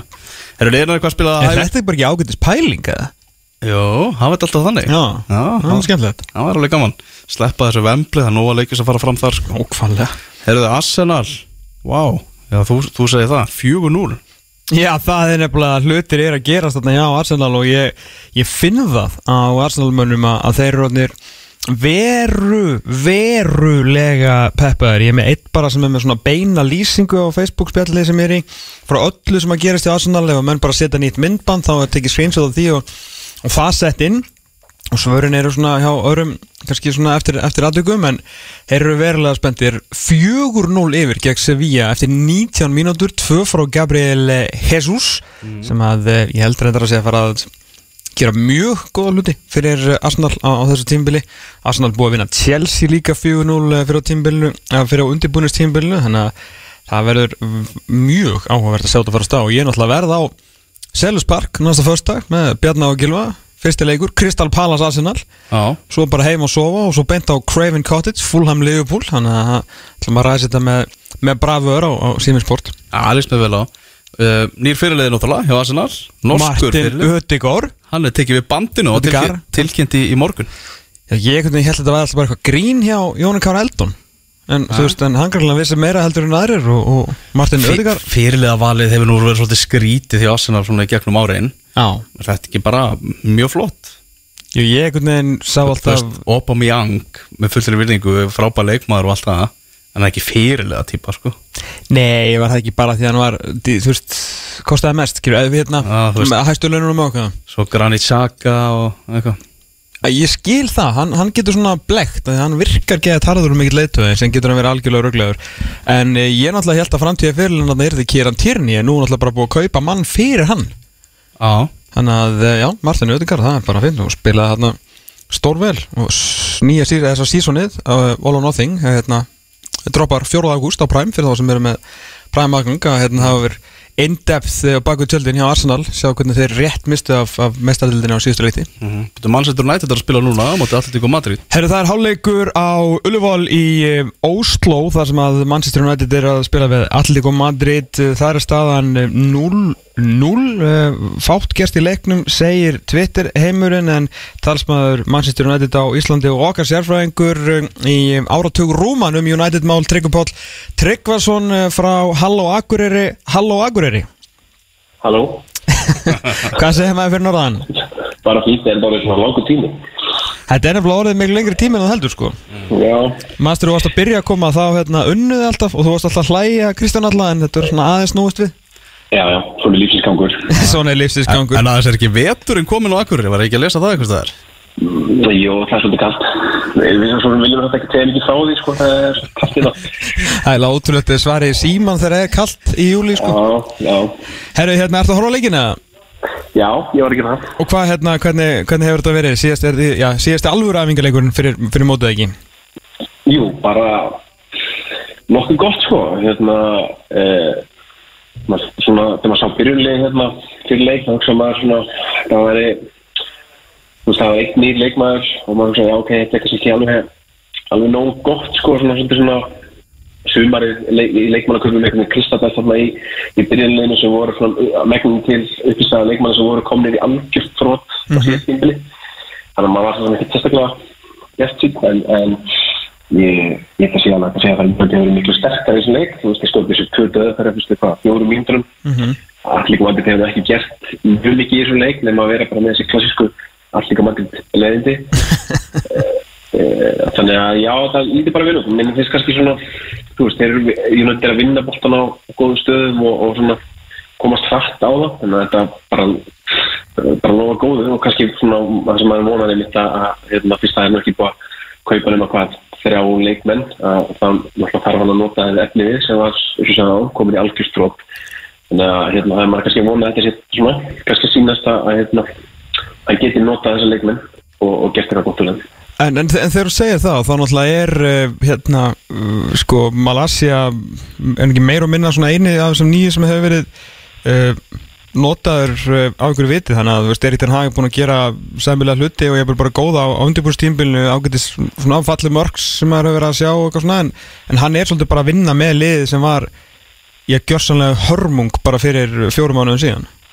Já, það er átt að segja það, ég menna Eriksen og, og Martínez er náttúrulega bara nýkomir Já, bara, þú veist, fyrir nokkrum dögum. Þannig að þeir hafa ekki mikinn tíma með liðinu. Uh, þannig nei, hann er bara að vinna með hérna, leikmannofnum og manni sýnist líka svona til dæmis þessi leikmann sem Mark Rashford mann sýnist hann virka í uh, alveg toppstandi sko líkamlega. Það er hérna, hann var alltaf komin svona á þú veist, það var að tala um að hann var að í burtu og maður sá það líka var undir loks síðast tímpil hann var eiginlega ekki að nenna þessu ekki góða staði, hann verðist vera í, hérna verðist að tala þetta svona náttúrulega Antoni Marcial, leikmann sem maður er að skrifa svona áttasunum En allar að, að svona detti þá allar að, allar að trúa á Marcial núna að hann skora á prísinsónu heldur, að Ten Hag sé maðurinn sem að gera nað öllu sem að United menn hafa haldið að hann sé? Og, höfum, og að menn hafa séð? Já, góð spurning, en hann er, er samt að lúka svona vel, sko. Þetta er kannski, fengið fyrir skilabóð að náttúrulega Kristján Ronaldo er, er í einhverju, hérna, einhverju fílu, þannig að, veist, að það er ekkert mikið úrval, Marcel er það bara raunin eini framherinn þannig séð, sko. Mhm. Þannig að hann er raunin bara, þú veist, vantilega hefur hann fengið fyrir skilabóð, bara hefur nú er þetta fengið glöggi og, þú veist, hann er náttúrulega, þú veist, hann er komin yfir síðasta séðan sem hann var lánað til Sevilla í fyrra þannig að þú veist þú veist, já, ég bara við erum bara bjart sínu að hérna það er enda kannski, þú veist kannski leikmann sem við kannski hefta þú veist, hvað típa leikmanni hann er, hann er góðum boltan og hann er svo kannski meiri svona liðsmaður. Mhm. en þú veist, auðvitað það það er ekki tjestug stað að það fara í tímbilum með, með Marcial sem er, eins og segir, hann er alveg óskrifað blað og hann lítið vel út í öfnamblikinu og svo með Ronaldo í einhverju hérna, einhverju fílukasti þá, hérna, þá er um auðvitað að gana gresa þarna Þú talar um, um Cristiano Ronaldo uh, náttúrulega kemur heim uh, já, já, jú, heim á kalla til United sem þetta hófst allt saman fyrir alvöru og alvöru til þess að endanlega svona ég grafa napsitt í, í svona góðsagnasteinin þarna um, um aldir alda uh, er svona bara í raun og veru de facto besti leikmann í liðinu síðustu leiti þráttur að vera mikið gaggrindur fyrir hitt og þetta. En svo einhvern veginn hugsa hann svo mikið um meistardildar mörkin og medicín að nú vil hann bara fara. Hvað hérna Ég ætla að giska að þú hafa verið ótrúlega mikla og langa skoðun á þessu máli Ég ætla bara að svona, bara, farðu bara af hva, Hvernig slæri þetta þig bara, bara alls saman?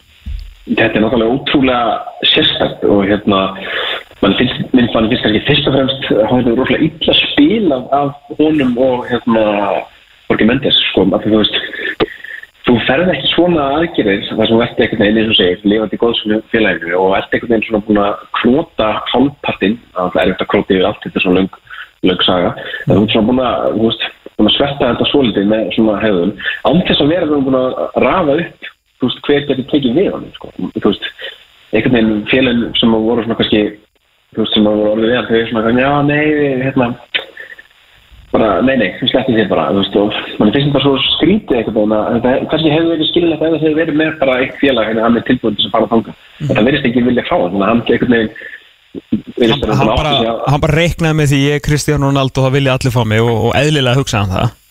Já, en maður finnst svo undanlega að einhvern veginn hafa farið þessa vegferð án þess að hafa rauninni kannski verið búin að svona undirbúa jarðin öllítið betur. Og hérna, þetta er bara mjög vond staða fyrir félagið til þess að vera í og líka hann sko, einhvern veginn um, en mér finnst það svona þetta að hann spila þetta ábyggla og sagt hann bara, þú ert ekki að fara neitt. Hérna, þú veist við erum ekki, eða, þú veist, þegar við, þegar ég segja við hann, við erum ekki að láta þið fara, við erum ekki að fara hérna, moka, moka stíði fyrir þig, þú veist bara að gera það sjálf Mhm. og sem er veist ágætt og veist, ef hann vill fara þá er ekki þess að einu stöðunni núna fyrir hann bara einfallega að kaupa sig út úr þessum sambund en það, þú veist, félaginu og nóg borgunum og nóg mikla upphæðist En hvað hva, hva, hva finnst þér samt, hvað segir, segir hjarta? Ég meina, ertu, ef hann fer núna og, veist, og þetta endar þá svona í þetta sér náttúrulega endalókin síðast voru bara fullkomlega strategísu menn hann beðir um að vera eitt ári viðbótnar að vinna deildina þriða ári í röð uh, hérna, al algjörlega magnaður, algjör góðsögn. Hversu mikil svertun ef einhver er þetta á svona góðsagnar statusnum hans ef hann, ef, ef hann á endanum fer núna og kemur aldrei aftur? Kannski getum krótað út 25% af bókinni. Já, eitthvað fyrir ég veit það ekki, eitthvað í þáttina uh, nei, þetta er ekki mjög fallegt. Uh, og, og líka setur einu svið, bara félagi vonda stöðu en þess að þú veist, það er ekkert tilstaklega vel sett af framherjum. Uh, mættalega hefur tenni að reikna með notan en við sem verðum mjög fróð að sjá hvernig er, er það að segja ef, ef við gefum okkur hann verði hérna áfram. Hann alltaf sagði það að Instagram í gæra að kongurum myndi spila á morgun, ef ekki leikur myndi ræða að klæna og eitthvað slags ég var mjög áhverð að breytist allt inn í slatan hann Já, já, er ekki að tóna eins og kongur sko. Einmitt. Hérna þannig að, þú veist, ég veit ekki kannski bara best ef hann, ef hann þú veist, það er maður að segja, það er ekki sagt, með í fyrra, þú veist, hvernig það fyrir að pass smetla hann inn í liðið og maður spyrir sig með þú veist, hvernig það fyrir að koma inn í þetta pennhagli, en, þú veist, þetta er Ronaldo, það er að skora mörg eins og hann síndi á síðust tímpli, þannig að Einmitt það kannski væri bara best fyrir alla ef hann myndi að láta sig hverfa, það er bara spurning hvert, sko Já, já, já. Hverjar eru hérna, mótið byrjar eftir sex daga, þú veist, eh, já, viku hjá, uh, já, áttu daga hjá, hjá United, hvað hérna, við hverju býstu, þú veist, uh, ertu, ertu kátur bara með, þú veist, aðlið sé samkefnis eftir bara til Champions League, eða ertu, þú veist, ef að sjötta sæti, er það bara eitthvað svo býst bara fastlega við? Nei, ég meina, þú veist, meistar þetta bara að setja það er náttúrulega bara lágmarkið, sko, það er bara svo leiðis. Uh, ég enda sagði þeim sjálf þegar ég var ráðin að ég ætla maður ekki að fara inn í þetta tímur með eitthvað stórkastlega væntingar, maður er svona búin að brenna sig á því hérna öll þessi ár, sko, var, ok, ég get ekki sagt að maður er mjög spektur þegar Móis var ráðin, en, en veist, það var alveg ákveðin spenningur, kannski einhver ákveðin veruleika fyrir þegar Lúi var galvar á, en þá fann mann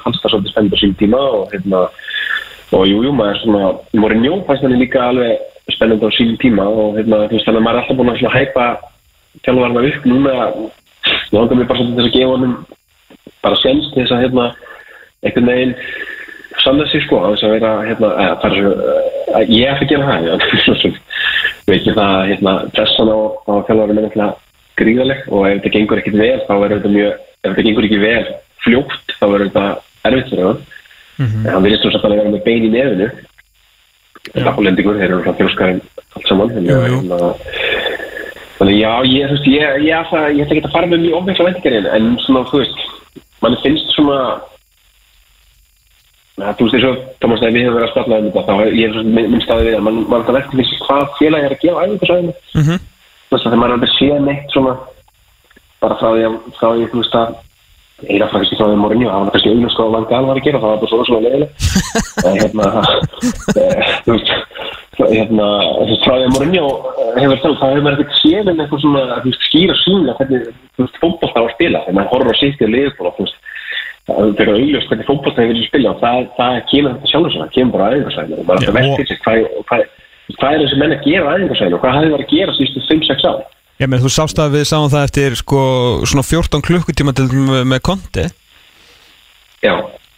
Þú veist, það auðvitað var alltaf bara að þeir voru ekki að gera neitt þeir voru bara, þannig að, þú veist, núna ma- maður kannski sér og maður kannski er þetta óskil geimir en maður alltaf sér svona einhver pínu mest maður sé einhver svona grunnpæling um hvernig það að spila fótbolta Mhm.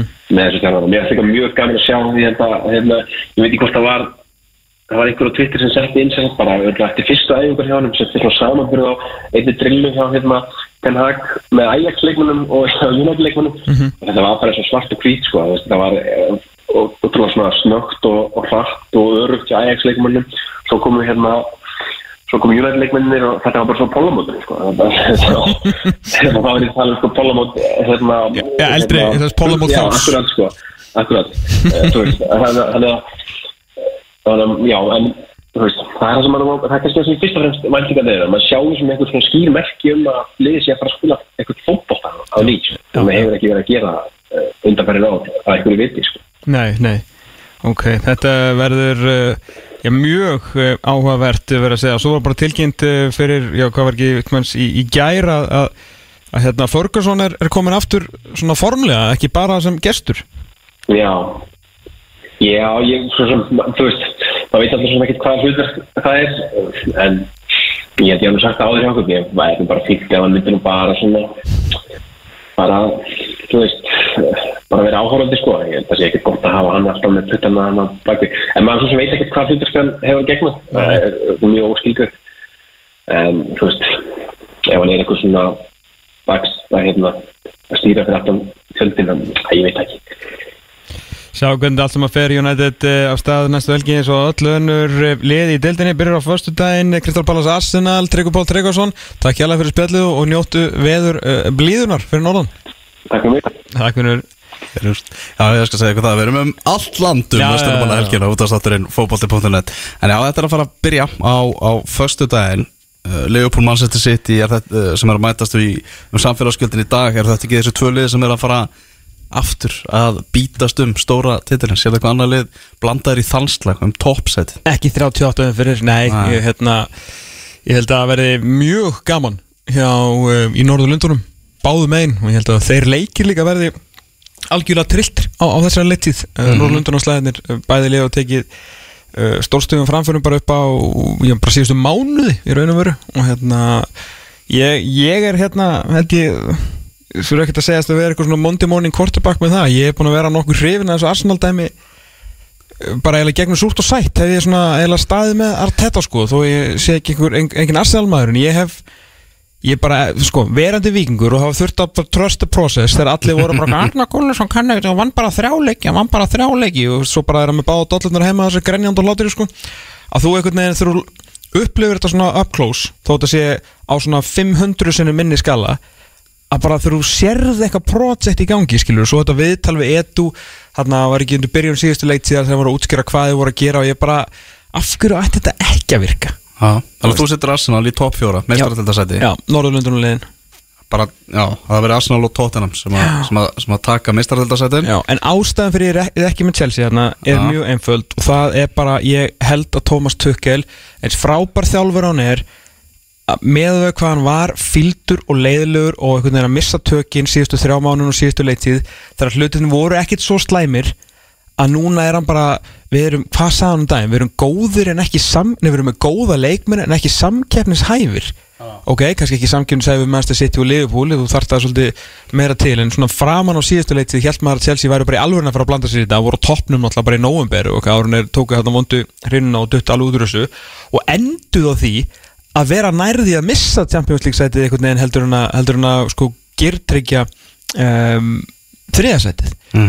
að, að og bara ef þetta fer ekki einhvern veginn nógu vel á stað og Tökkel byrjar að, að svona kvarta og kveina hann hafi ekki fengið þennan og hann á pottið þetta að minnast á Lukaku einhverju tímbili, einhvern veginn hann þessu svona, bara er að missa kundi er missir á kundi sem var bara komin hvað hérna, hvað var umbásmaður kundi nei, var að, að Sevilla hérna, formaðurinn eða forsetin sagði að það var bara búið að selja til Chelsea. Mm. það, bara, það var allt eftir nema bókstælega að hérna, skrifa á punktuðu línuna og allt hérna endar í Barcelona. Já, og Tökkel er brjálaður.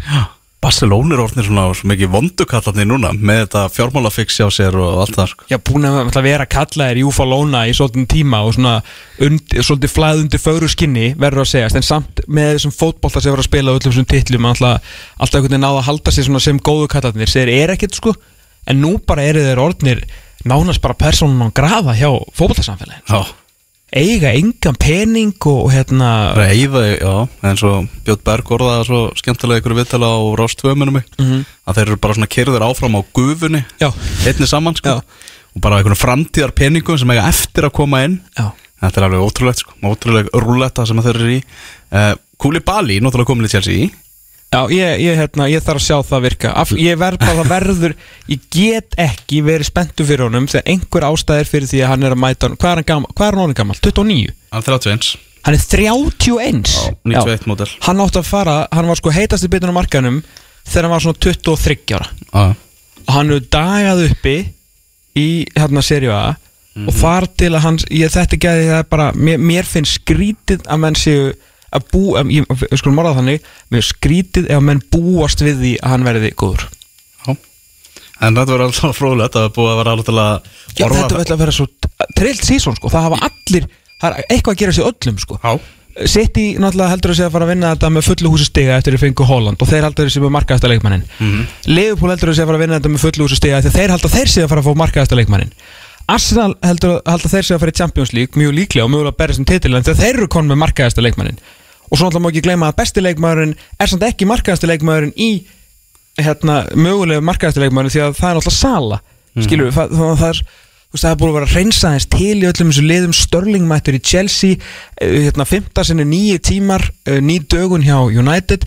Arsenal ekki verið góður í morgár. Já. Konti helt áfram og fekk að kaupa allt sem hann vildi þú veist, það er, þetta er svo, þetta er ruggla og, ekki, tímabil. og ekki glema Newcastle þú veist, en, nei, en svo er eiginlega minnsta spennan einhvern veginn þar að þeir, þeir eru búin að svo sultu slækir á markan já, en samt Eddie Há að fara í allt öru sem starfheldur en hann var í á síðasta tíma Já, það er- nú er þetta ekki einhver björgunar einhver björgunarleðingur, sko. Já, já, nú var bara að fara að gera eitthvað hluti Já, já, en, en það verður samt að þú veist, Newcastle er samt bara topp 12 klúpur í dag, sko. Já, þeir hafa ekki gert á markanum, sko. Það var 40 miljonar tilbúið í James Mattisson þeir ætla ekki að kaupa menn fyrir alla oljupeningana, sko. Nei, alltaf ekki strax. Nei, ekki strax allavega. Já, þetta er svona að taka þetta greinlega í einhvern svona skynsalveri skrifum og svo er það, já bara fallbaróta annáttúrulega Nottingham Forest, Bournemouth og, og Fulham sem að koma upp úr Championship-tildinni mm -hmm. getur þau ekki bara öll farið niður? Já, mér líst ekkert, hérna, ég hef uh, mjög ég hef mjög sterkar svona tilfinningar til Nottingham Forest uh, eftir ég horfði á uh, The Damned United á sínum tíma. Hérna, myndina þegar hún kom út um, um Brian Clough sem sagt, reyndar fjallar hún í raun og veru um uh, tíma hans hjá Leeds svona eftir, eftir Darby og það. En eftir myndina fór ég að stúdira Brian Clough uh, mjög mikið og hef séð bara öll viðtöl sem eru til við hann á YouTube og, og lesið það sem ég hef getað. Og er, er mikið svona retroaktífur Brian Clough maður og því eh, eftir hann alltaf vann, vann alltaf tvöfalda eh, mest, Evrópudeld mestar, Evrópu keppni mestrarlega sem hétt á sínum tíma. Tvö ári röð með Nottingham Forest sem að kannski ekki menn byggust ekki við á þeim tíma. Að hérna, þá hef ég, ég mikill svona laumu forestari. Mm. en ég hef stórfældar áhugjur sama hversu öflugur hérna, Steve Cooper er. Ég búin að heyra þetta á tveimur áttur núna. Bæði var Hjörvar að tala um þetta í dokkundaginn að hann hefði verið að spjalla við hérna, einhvern mann sem að segja að Steve Cooper væri séni svo var einhver annar sem að þekkir ágætlega til sem ég var að tala um daginn bara man ekki hver, var, hver það var að segja að Steve Cooper væri bara séni þetta væri bara next big thing. En þegar að lið komu upp og kaupa 12 leikmenn ég veit ekki hvort ég sé það virka. Nei, hljóma svolítið eins og Watford. Já, það er að svolítið eins og Watford sko. ah. og búin að missa tvo bestu mennina sína. Ah. Brentford getur þeir svoast í fallbartu second season syndrom Já, það er bara eina ástæði fyrir því mm. Kristján Eriksson er ekki aðna ah. Ég, ég, ég trúi á prósessið, ég trúi á verkefnið en uh, ég veit ekki hversu lengi Ivan Tóni nennir að vera aðna og þeir voru komnir í, þeir voru komnir í mjög vondum mál árun að Kristján Eriksson mætti aðna og sneri tímabilinu við þeim þannig að ef að það, það er engin í þessu brentvalliði að fara að fylla í hans garð þeir þurfa einhvern veginn að, að hérna, að fara svolítið aftur í það sem hann, hann kom inn með svo mikið fótbolta þú veist það var svo miklu betri fótbolta sem var spilað og sérstaklega á miðsvæðinu eftir að hann kom að inn. Og þetta svona, þetta svona high tempo pressu, svona allir með fótboltin sem voru að spila. Hann var sem í bara hættur að virka.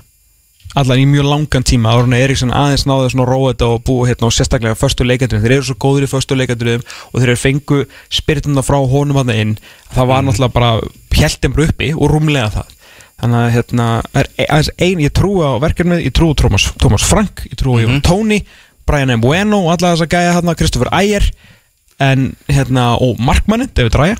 En, en hérna, þeir verða held ég svona að því Eriksson fór. Algjörlega.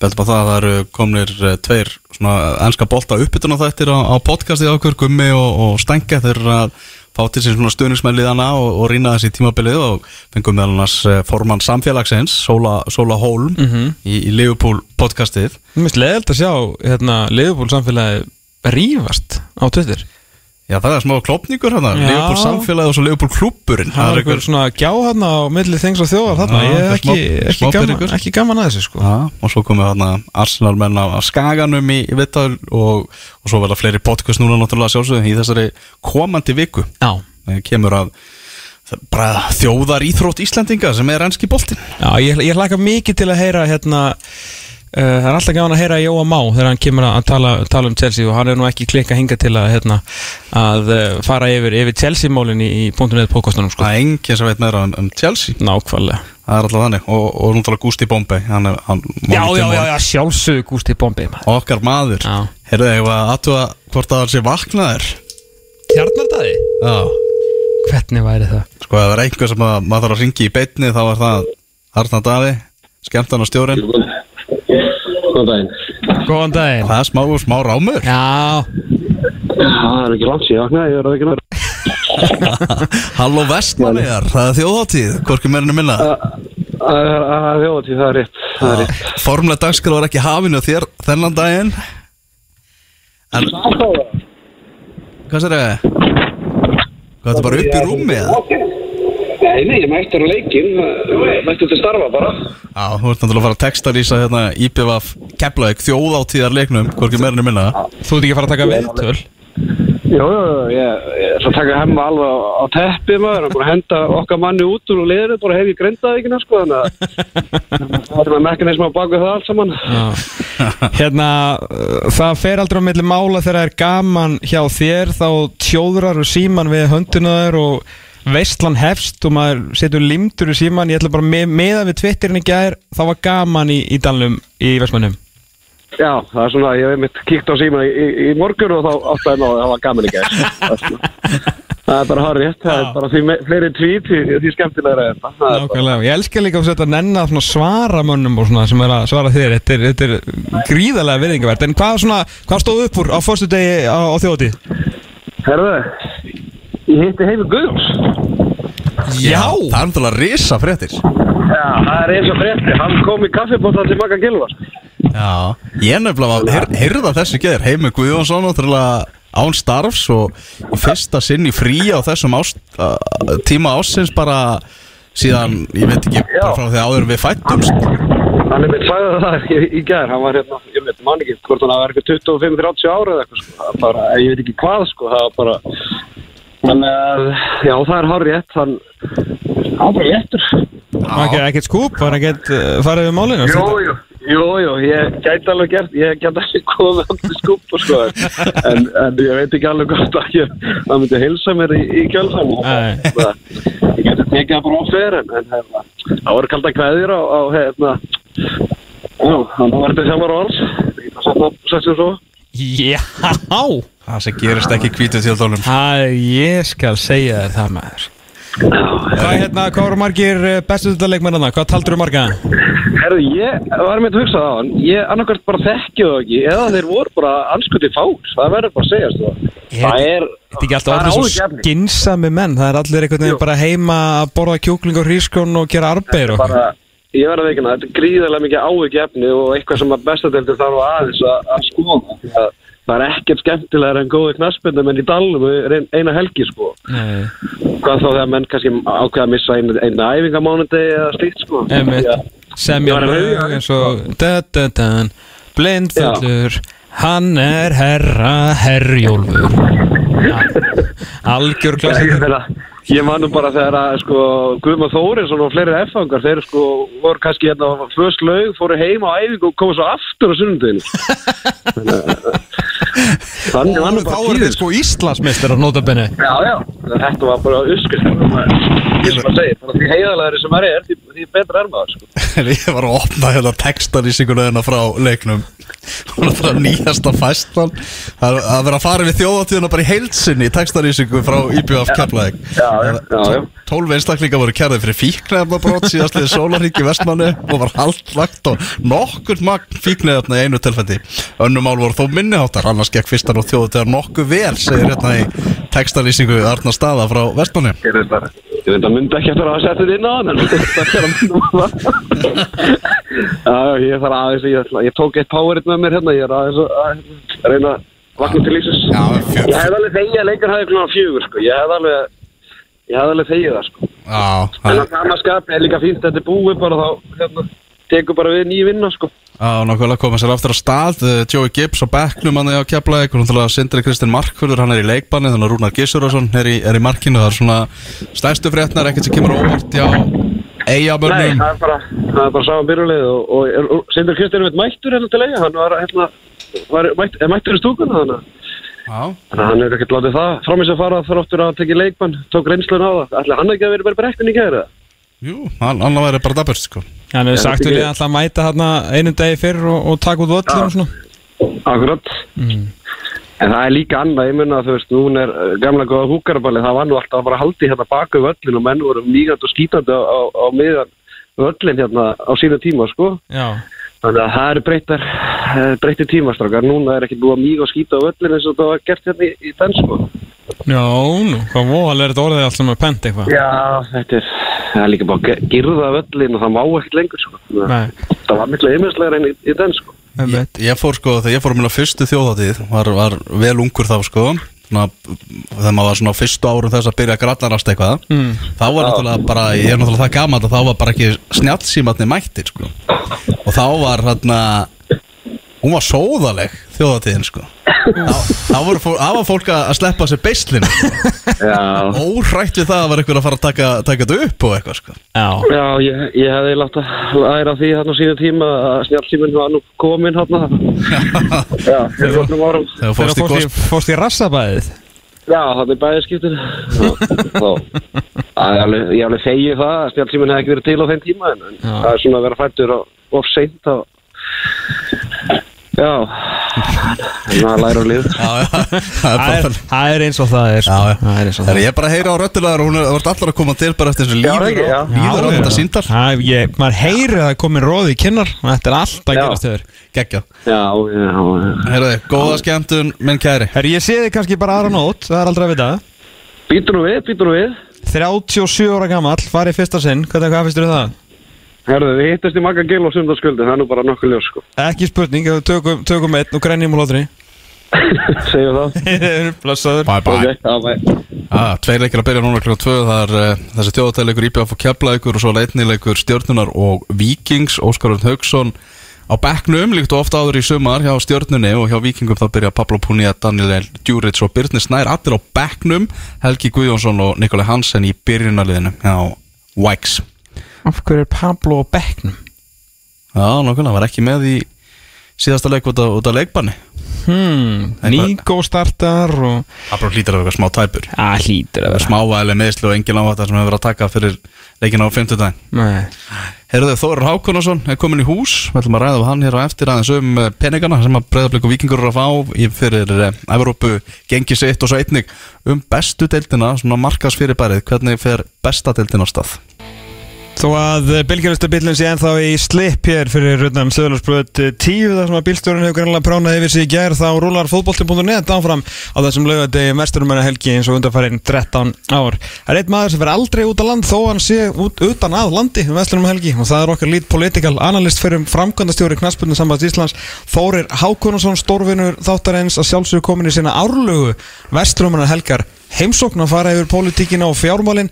Heil og sæll og, og góð helgi, hvað segir við? Heilir og sælir drengir, ég segi bara fínt. Já. Virkilega gaman að vera hérna eins og, eins og áallt Já, þetta er náttúrulega þín uppáhalds helgi því að þá, Já, nú þetta er veist þú að fara að kíkja alltaf þess Já, helgi já, það er mjög skemmtilegt. Herðu hérna svona kannski tvö málefni sem við okkur langa helst að ræða við að, þessu sinni. Það er Já. annars, vegar ja, peningar og síðan bara besta dildin sem að reyndar uh, snýst líka um, um peningar þess að dana en við erum að sjá uh, tvö Ísland glóbaltalið gera ljómandi fína hluti í Európu, tvö af Já. þremur þess að við fengum bara þrjú sæti á þessu sinni. Vikingur fyrir gegnum uh, hérna, Reykjöp hérna í, í byrjun, tapar í fyrstu umfyrir gegnum Almói, standa svo vel en fara sinni gegnum uh, aðraumfyrir í sambandstildinni blikarnir sömuleiðis, bæðileg komin í þriðjum fyrir sambandstilddarinnar er að afla sér uh, tekna fyrir sjálfan sig og steg fyrir land og þjóð. Já, og þetta er, ef byrjum hans á stegunum Halli hérna ég stórvinuðinn og hérna frangóðastjórin minn. Hún er að uh, svona gera sér svona sjálfskeipu coefficient sérfræðing Íslands. Það er mjög Já. þægilegt að geta bara fengið alltaf update um leið okkar gerist. Ég er ánægð með hallarafla í þessum efnum sko, þú veist svona þess sem er að telja peningana sem kom inn þá er hann að reikna út eitthvað stíg Þetta er svo mikið að það er að taka sér pásu. Já, þetta er, ég er mjög ánægð með það sko. Hvað hérna Hvað var svona líklegt af við var þetta, vorum við alltaf að fara að ná í þessi Nei. hvað hefðu við þurft að veist, Ég- er, er þetta alveg bara frábæla gert hjá vingubröðum já, ég held að þetta sé bara mjög vel gert en, og en, gerum sko, kannski ekki lítið úr káir sér um út í pólurunum, það voru góð stig. En sko e, Já, þetta er náttúrulega Þetta velt alltaf mikið á, á árangri annara þjóða auðvitað líka sko. auðvitað. Og, en, en staðan bara núna er orðin, orðin svo að, að hérna, þjóðurna sem eru fyrir neðan okkur í dag það eru allar fallan úr leik. Uh, færingar eru nú tölvært fyrir ofan okkur ennþá reyndar og eru ennþá uh, full force. Já. þannig að hérna, þeir eru að gera frábæra hluti þar líka sko. En Nei, nei, þú veist, þetta er, þetta er góður árangur og þetta er uh, sá, sá besti í, í mörg, mörg ár. Já. og ég sé svo sem ekkert uh, ok, þetta eru hrikalega erfi verkefni sem eru framöndan en ekkert endilega útiloka, sko, ekkert endilega útiloka og ég bara vonast þess að menn haldi áfram að og sömu braut, afla bæði stiga fyrir okkur og, og peninga inn í reyninguna því að þetta, þetta bara skiptir hrikalega miklu máli sko. Af hverju? Eh, sko, eh, eins og staðan í dag eru íslensku klúbarnir búin að afla svona cirka 330 miljónum króna inn í íslenska knarfinarhefingu Víkingu, Breiðablík og Káir Já, Já. það er svona eitthvað að ná, nála því. Og það er svona það er að nálgast að vera jafn mikið og til dæmis ríkisvaldi setur í afreiksjóðu á hverju ári. Fyrir allar íþróttir og alla íþróttamenn á Íslandi. Það er þetta frábært samingi og ég hérna og það er hljóta til að sjá það þetta skiptir gríðarlega miklu máli. Þetta er svona hvað ég var að segja þetta, auðvitað er ekki alveg loka hagkerfi en þetta er samt svona að ákveðinu leiti er þetta loka hagkerfi þannig að þessi peningar er að fara alltaf mikið inn e, e, svona inn á milli milli kannski félaga og auðvitað í leikmenn og annað. Og ég gerir nú ráð fyrir því að bæði þessi lið sem eru eftir í Európa-kemn núna einhver hluta þessu hlýtur að fara í einhverju bónusgreislu og svona til leikmanna. Jú, jú. ok, gott og vel, það er bara eins og það er sko. En þetta gefur auðvitað félagunum uh, tækifæri til þess líka að, að hérna uh, kaupa efnilega leikmanna öðrum liðum í deildinni fyrir hærri fjárhæðar heldur en kannski áður. Já. og það kemur öðru liðu til góða. Þannig að ég held að, að hérna, þetta inn í end, þetta kemur öllum til góða. Já, ég meina þó að bara, veist, eitt dæmi að því að hún á minnst að hann var á bekknum á hana hérna, bara liðið svo háká sem að fellur fær bara, bara fínan skilding til dæmis fyrir Byrnisnæði Ingarsson og því að vikingarnir sjá fram á það þeir sé að fara að Já. afla næja að tekna og þeir og Arnari líst vel á hann og hann er bara sóttur og þar er ekki verið að býða eftir hann renni út af samning og bara svona leikmennum er bara stólið svolítið eins og þetta hefur verið svolítið lengi hjá okkur. Að hann Já, er bara, það er bara rifið beski og hann er bara keftur Já, og líka, líka auðvitað það sko með, með hérna bara hverri umferðinu sem við góðast áfram í og ég, ég hérna, ég þreytist nú ekkert að segja það, ég er ríkalega hrifin að þessari sambastild sko, -hmm. mjög hrifin að henni. Og bara hver umferð, hún vekur auðvitað meiri aðteklu á íslenskan knarspinnu og, og þá hugsalega og vonandi inn í longrun þá hækkar það bara valjúið á, á deildinni sjálfri hjá okkur og auðvitað leikmunum Og hérna, uh, er, er þetta svona tvö lið á þetta stig, er þetta svona stig sem myndu dög okkur, þú veist, ef við myndum alltaf ná tveimur liðum í þriðin fyrir sambandsins og alltaf auðvitað einhvern tímann uh, gaman að fara eitthvað lengra, en ef þetta er svona benchmarkið, þá tvö lið komast ángað ættu við þá að vera nokkuð safe með fjögursæti svona, Já, ég er svo sem ekkit eh, svona á, að giska Já, á að gíska myndi ég nú halda það sko. Á að gíska myndi ég nú halda það En það er, það er hérna Þetta er ekkit Ok, við þurfum að vera bara lús heppin til þess að komast allar leið í riðlakefna en samt sem áður við bara skoðum þessi lið sem að hafa verið þarna voru þarna síðast ári sem sagt Mhm. og eru svona kannski góðruleg með að komast þarna núna Mhm. Þá þá er þetta ekki, þetta er ekki óeigustígalegt sko, bara alls ekki alls og ekki. það eru sko þá ertu farin að tala um alvöru fjármunni sko Já.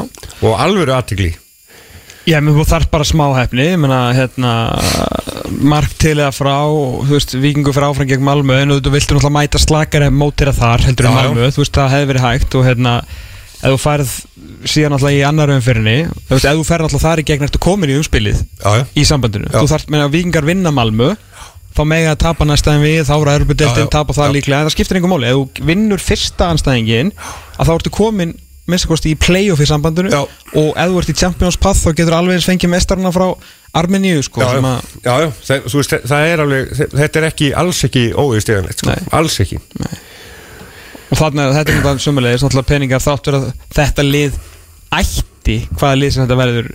Það er náttúrulega hættu á einhverju, einhverju Rosenborg dæmi því að þetta eru óheirlegi fjármunir Já, já, já. Ég, ég líti ekkit á þetta þannig að þú veist, það, það ok. Um, það kannski skekkir aðeins auðvitað aðeins myndina ef að eitt félag er að fara að fá eh, einhverjar 5, 6, 7, 800 miljónir og, og jafnvel meira heldur en það sko. En, en hérna en þessi peningar haldast alltaf mikið inn í, inn í reyfingunni þeir eru ekkert að fara neitt mikið út úr henni held ég. Við erum ekki að við erum ekki að sko, við erum kannski ekki að kaupa mikið að leikmunum ellendis frá. Ekki, ekki dýrundómi allavega. Já, við, við við borgum kaupa. ágætt Já, já. og, og ég menna það er allt í lægi þú veist, það hækka bara launin hjá öðrum líka heldur Mhm. og við erum í innanlandsmarkaði sem að hérna, hækka það bara valið og leikmunum þannig ég, veist, ég sé ekkit stórkostlegt vandamál við þetta, Nei. alls ekki. Hvað hérna en, en sko það má ekki gleyma því heldur að uh, við vitum svo sem alveg fél, félögin fara náttúrulega misjaflega með fjármunina sína og alltaf jú.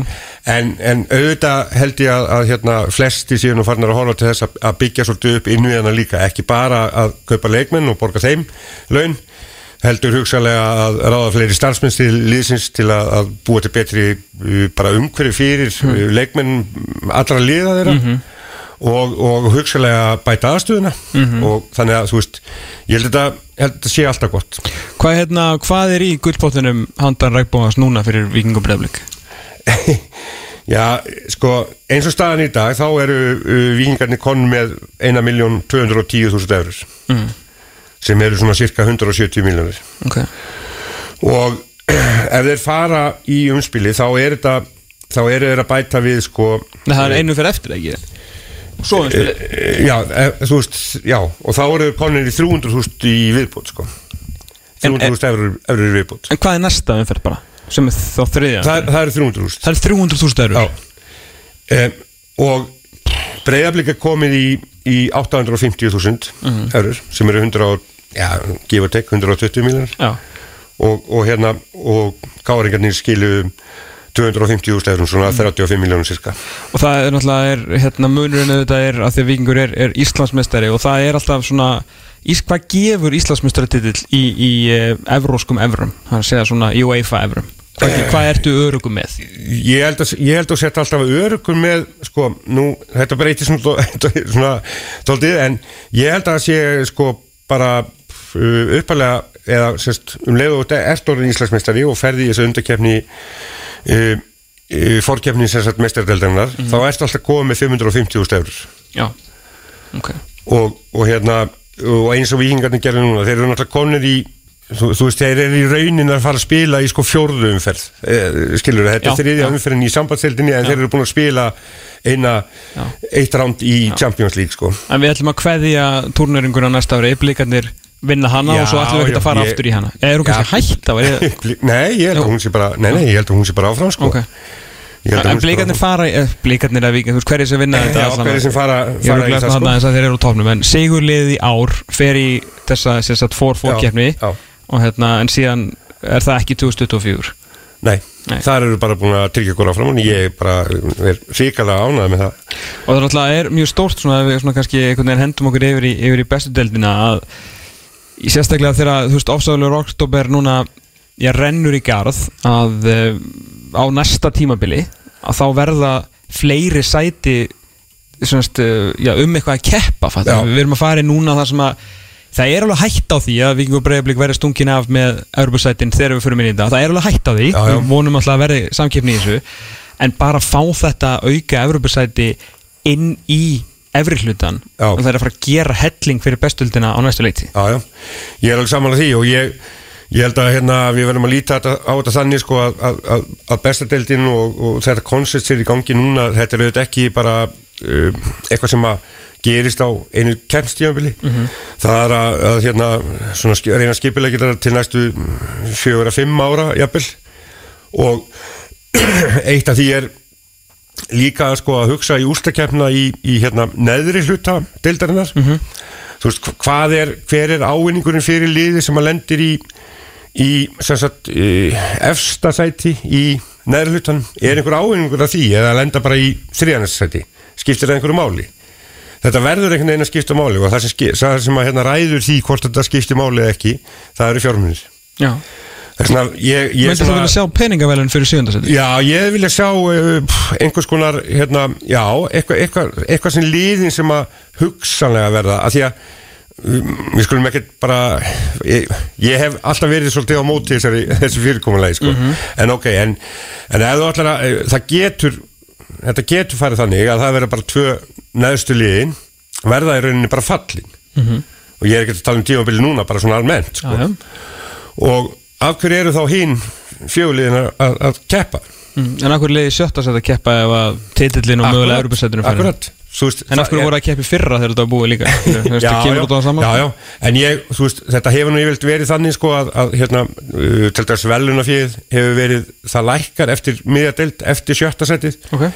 um, og spurningin er svo hvort að velunafíð fyrir sjötta og sjöunda setið eða bara vera það sama. Mhm. eða, eða, þú veist, einhver, einhver svona útfærsla á því, en allavega, ég, ég líti þetta á þetta þannig að, að hérna Hvað var veluna fyrir, fyrir sjönda ég- sætuna síðast ég, bara, bara man ekki nákvæmlega hvernig, hvernig það var sko. Var þetta ekki undir miljón eða? Uh, nei, þetta var nú líklega eitthvað meira sko. Var með, það? Já, með sem sagt það var, það var greitt annars vegar veluna fjö það var auðvitað undir miljón meina það var líka greitt uh, út frá Já, í hvað þú endaði já. sko.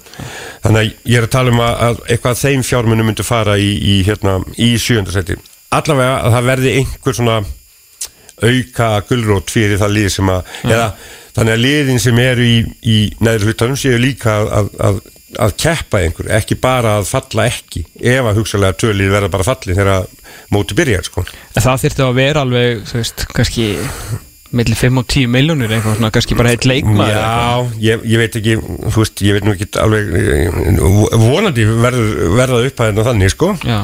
Og, og við erum á einhverju leiðþanga sko.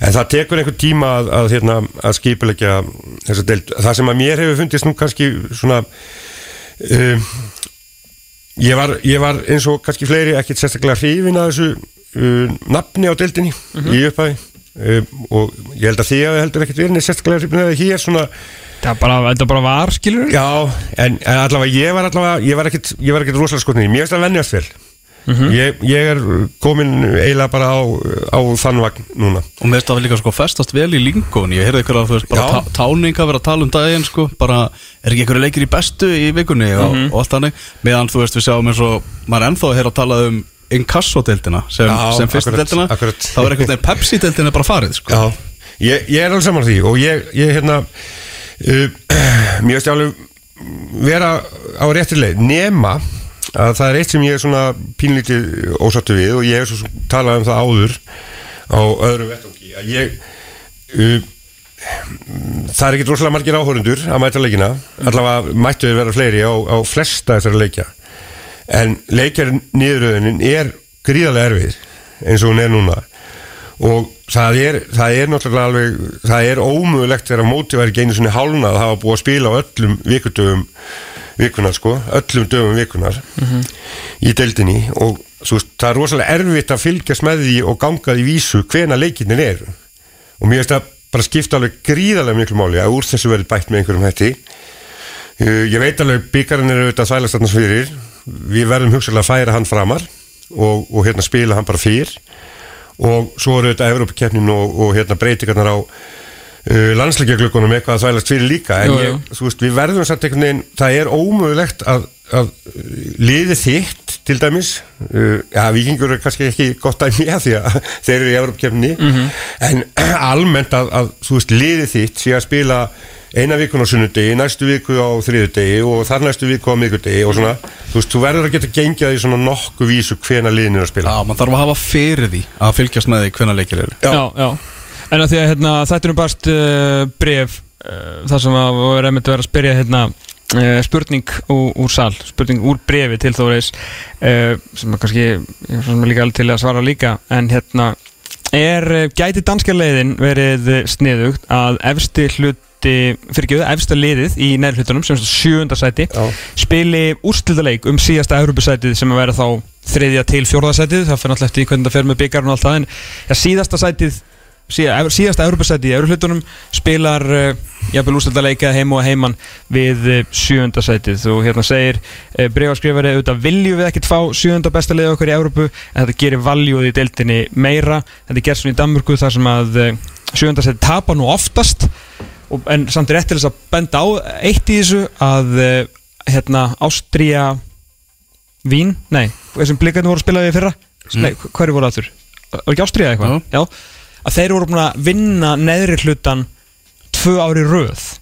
Þeir voru ekki í Evrópu sko gegn í að vera þriðasetti þeir voru í raun og veru besta liðið af röstlinu í Östuríki sko að þeir voru búin að vera en komast í Európa gegnum sjöndasætti sko. En það er, eins og segir, það er hættulegu leikur að við sem að setja sjöönda besta sætu okkar í Evrópu þegar við erum með líka bara að berjast um það að reyna að vinna fótballtaleiki í Evrópu og fá þessi stig Já, sko, ég- og halda ok. Evrópusætunum sko. Ég skil pointi í þessu. Ég, ég held að það sé verið að gera þetta sé doldið óvikil að fara allar þessa leið sko. Þú veist, svona langt. Já, en eins og, En- eins og en- Danir en og Austuríkismenn einhver- gera þetta til þess að, að, að þetta sé eitthvað en svo náttúrulega geta lendi því að einmitt að sjöndasætti vinnur. Já, já, já, já En ég meina, þú veist, það getur alltaf komið upp svo staða í því fyrirkomulagi sem við erum með núna að við, að við fáum bara astnarlega stöðu. Þú veist, við, ég meina efstalið getur verið bara búið að vinna deildina þegar úslakefni byrjar. Sem þýðir það þá að, að hugsalega verður það lið uh, sem er í efstasætti þegar úrstakefni byrjar fyrir að spila bara með allt öðru liði heldur en það gerði í deildakefni og hefur þar að leiðandi hugsalega áhrif á, á, á stöðu liðana sem er að berjast um Európsætin sko. þannig að en vonandi bara gerist það ekki. Nei, nei, þetta er allt sem við fáum að sjá á næstu Þetta árum og meðan við erum að sjá, segja það verður að koma einhver einsla á. Og það þýðir ekki að horfa á, á eitt ár í því auðvitað. Við verðum að, við verðum að taka eitthvað smá svona, hérna, tímara með því. Já, en svona leikir niður er kannski að því ég ætla að spyrja það svona í lokin hvað, bara svona hvað þið finnist á þessu fyrsta tímbili svona Já. best og vest en, en svona kannski eins og alltaf hefur ágjur af að leikja niður en ef það væri svona eitthvað eitt sem að þið finnst skemmtilegast við, við bestdildina svona rýbrandi þegar við erum er rétt rúmlega hálnaðir með fyrirpartin ef við getum orðað þannig. Já. Já, ég ég veit ekki alveg hvað ég að segja. Ég, já, sko það sem mér, mér, mér hefur fundið skemmtilegast í deildina tengist ekki beint deildinu heldur Európkefni Já, já, Þú veist, ég, ég, já, mér hefur bara fundist það eru bara lið í deildinni og þau eru auðvitað komin lengst í, í ferlinu finnst manni. Já. Það er breyðablík og, og hérna, breyðablík og vikingur sem að bara skila, spila bara úkslega skemmtilegan fótbolta sem að ég hérna, mér veist frábært að horfa á. Og kannski fleiri hérna vonandi á þeirri, þeirri, þeirri leið. En það er svona skemmtilegast að við þetta þú veist, mér finnst þetta að því ég er búin að vera í þessu í hundra ára sko. En mér finnst bara einhvern veginn fó, fótboltin vera svona allavega hjá þessum svona toppluðum skemmtilegri heldur en hann hefur verið. Og ég, ég veit ekkert um það en þú veist, ég ætla allavega að leifa mér að trúa því að þessi skemmtilegi fótbolti sem þessir, þessir félög til dæmis er að spila það leið okkur lengra í Evrópkefni Já, þetta, þurfa, þetta er alltaf að spila saman og þó kannski einmitt að bestadeildin per se hafi ekki haft á, semst, áhrif á þessi lið að þá hefur einhvern veginn svona uh, góð vegferð þeirra og gott gengi, góðu fótbolti og tveir skemmtilegustu og bestu leikmenni sé í sikkur liðinu Já, já. einhvern veginn svona hjálpað bestu deildinni á þessu fyrsta ári rýbrans alveg gríðarlega. Já, og ég, sko, við, við tölum og höfum oft talað um það það vantar svona pínlítið stjörnur í íska fótbolta. Já, þú veist svo er það bara seldan um leið. Já, það er, En það er þetta part af programmið. leið, leið og við fáum einhverja stjörnur inn í þetta þá er það farnar Já. Jú, veist, bara það gerðist ekkert með hérna uh, ákveðin leikmann sem ný, nú er nýbúið að selja til Noregs Mhm. annað en það að hann seldi sér bara sjálfur hann var bara góður, ótrúlega góður í já. og svo gerði hann bara ákveðna hluti sem Já, var já. bara til þess að hann var algjört star Já. og ég vil fleiri svo leið sko. Ég vil fleiri svo leið Bæði Kristall og Ísak hafa verið, verið svona sjálfur að taka þátt í þessu og Já. skemmtilegur á samfélagsmiðlum og, Algjörlega. Og er ekki kosta það að menn fóða rautt spjald í Európa-leik sko. Nei, það var eitthvað sko. dómara písinn Já, sko, en, auðvitað þurfum menn að, passa sig sko, en, en, en já, eins og segir, báðir taka virkan þátt í þessu og þú veist, höfða til, þú veist, þeir eru svo svalir maður og bara höfða til ótrúlega- sem viljum ala uppi að fara að horfa svo dild og sko. Og hérna veist, við höfum verið að kalla til þessu. Við höfum allavega með já, minnst að kosti þessa tvo. Já. Núna og, og, og hugsaðlega einhverja fleiri og ég vil bara sjá ég vil bara sjá miklu meira þessu sko, miklu meira. En ertu, ertu kátur með fótboltasumir svo far? Ég er alveg þokkalega þokkalega svona sáttu við það, já. Mhm. ég er alveg þokkalega sáttu við það. Flestir dæma svona á skalunum 1-10 Þóri er í svona 1-6 Það fer ekkert mikið herra Það er alltaf rófóri brúmen ég, sko. ég, ég, hérna, nei, þú veist, mér veist ekkert uh, það verður ekkert, ekkert stórkostlegt komið upp á. Nei, nei. Eng, engir, engir sérstakir svona skandalar í, í dómgæslinu þó að menn séu nú ég held að ræfliði það þetta er akkurat tímablið þeir eru svona tí, mótið er hálna og menn eru farnir að horfa til og verður örugglega meira því núna því að menn eru að berjast um efrið að neðri Já, sem já, er já. svona. En ég meina, þetta er bara svona þetta er hefbundið Já. en mér ég er mjög sáttu við það, ég er alltaf eins og ég segi og, og ég sagði á hann, ég, ég finnst hrikalega gaman að sjá uh, ja, ég hef meira gaman af fleiri leiki núna heldur en ofta áður, er ég að segja. Já, já En við þurfum sérna að fá fantasy-leik fyrir næsta tíma Það er algjört klúður að það sé ekki fantasy-leikur Já, ég, ég er alveg samanlega því og ég held að, ég held að hérna, uh, að því að ég hitti þá félagana í, í hérna í ITF núna reglulega þá held ég að, að hérna, þeir viti nú alveg upp á sér skömmina þar en, en það er kannski Þú veist eins og ég sagði á hann, ég, þetta þarnast smá undirbúnings eða þetta, þú veist, við verum að þróa þetta eins áfram og það er betra að gera þetta vel heldur en að gera þetta bara einhvern veginn. Þannig að ég held að þetta hafi hugsalega verið alveg rétt ákvörðun að fara ekki stað með það því að þeir voru bara orðnir og þetta var allt Reyndu svona nú að fara stað. Já, Það var bara- þetta gerðist bara allt einhvern veginn á síðustu stundu og það er aldrei gott Já, maður gerir sér ekki alveg grein fyrir umfanginu sem fylgir svona leik Nei, einmitt. En tökum, tökum, já,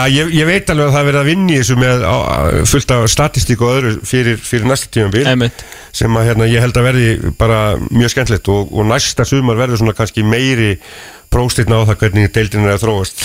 Svo vantar, uh, vantar hub, vantar einhver starf sem getur séð mörkin og það sé kannski eitt svona miðstýrt podcast þar sem að fantasy-leikurinn er og tölfræðin sé ekki bara á Twitter þó ég sé mjög ánægð með þessar skýslur Já. en það þurfa að vera svona á, á miðlari gagnagrunni því að það er kannski ekki alveg allir sem að fatta að það, Vi- heimurinn er ekki á Twitter sko. ég, ve ég, ég veit ekki annað en að þetta sé allt í vinslu Ég, ég, ég, veit að þetta er klálega í planinu en Já. þetta er eitthvað sem ég vil fá fyrir næst tímbil og, engar, engar afsakanir. Þórir, alltaf ánægð að fá þig uh, bara gleðilega vestarmælgi hérna, ég ætla að að stinga af ætla að fara að sjá uh, ekki Kristall spila í Garabænum en Elva var alltaf að lóka sér hérna fyrir ykkur. Fyrir. svo sjáumst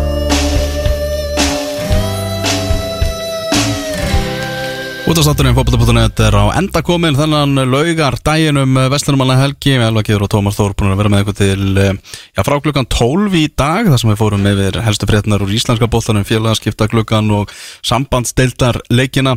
Svo heyrðum við Tryggva Páli rættum aðeins um eh, enska bóltan hérna áðan þar sem að Já, ennska úrvarsleitin fyrir á stað á uh, föstu daginn, svo kom Þórir Hákonarsson, okkar pólitíski sérfæðingur og uh, fór, fór yfir sviðið eins og honum einu með lægið, ringdu til Vestmanni, ringdu til Akurir, ég veit ekki hvað og hvað. Þátturum verður aftur á dagskrá á næsta lögadag, millið 12 og 2, þanga til, verðið sæl.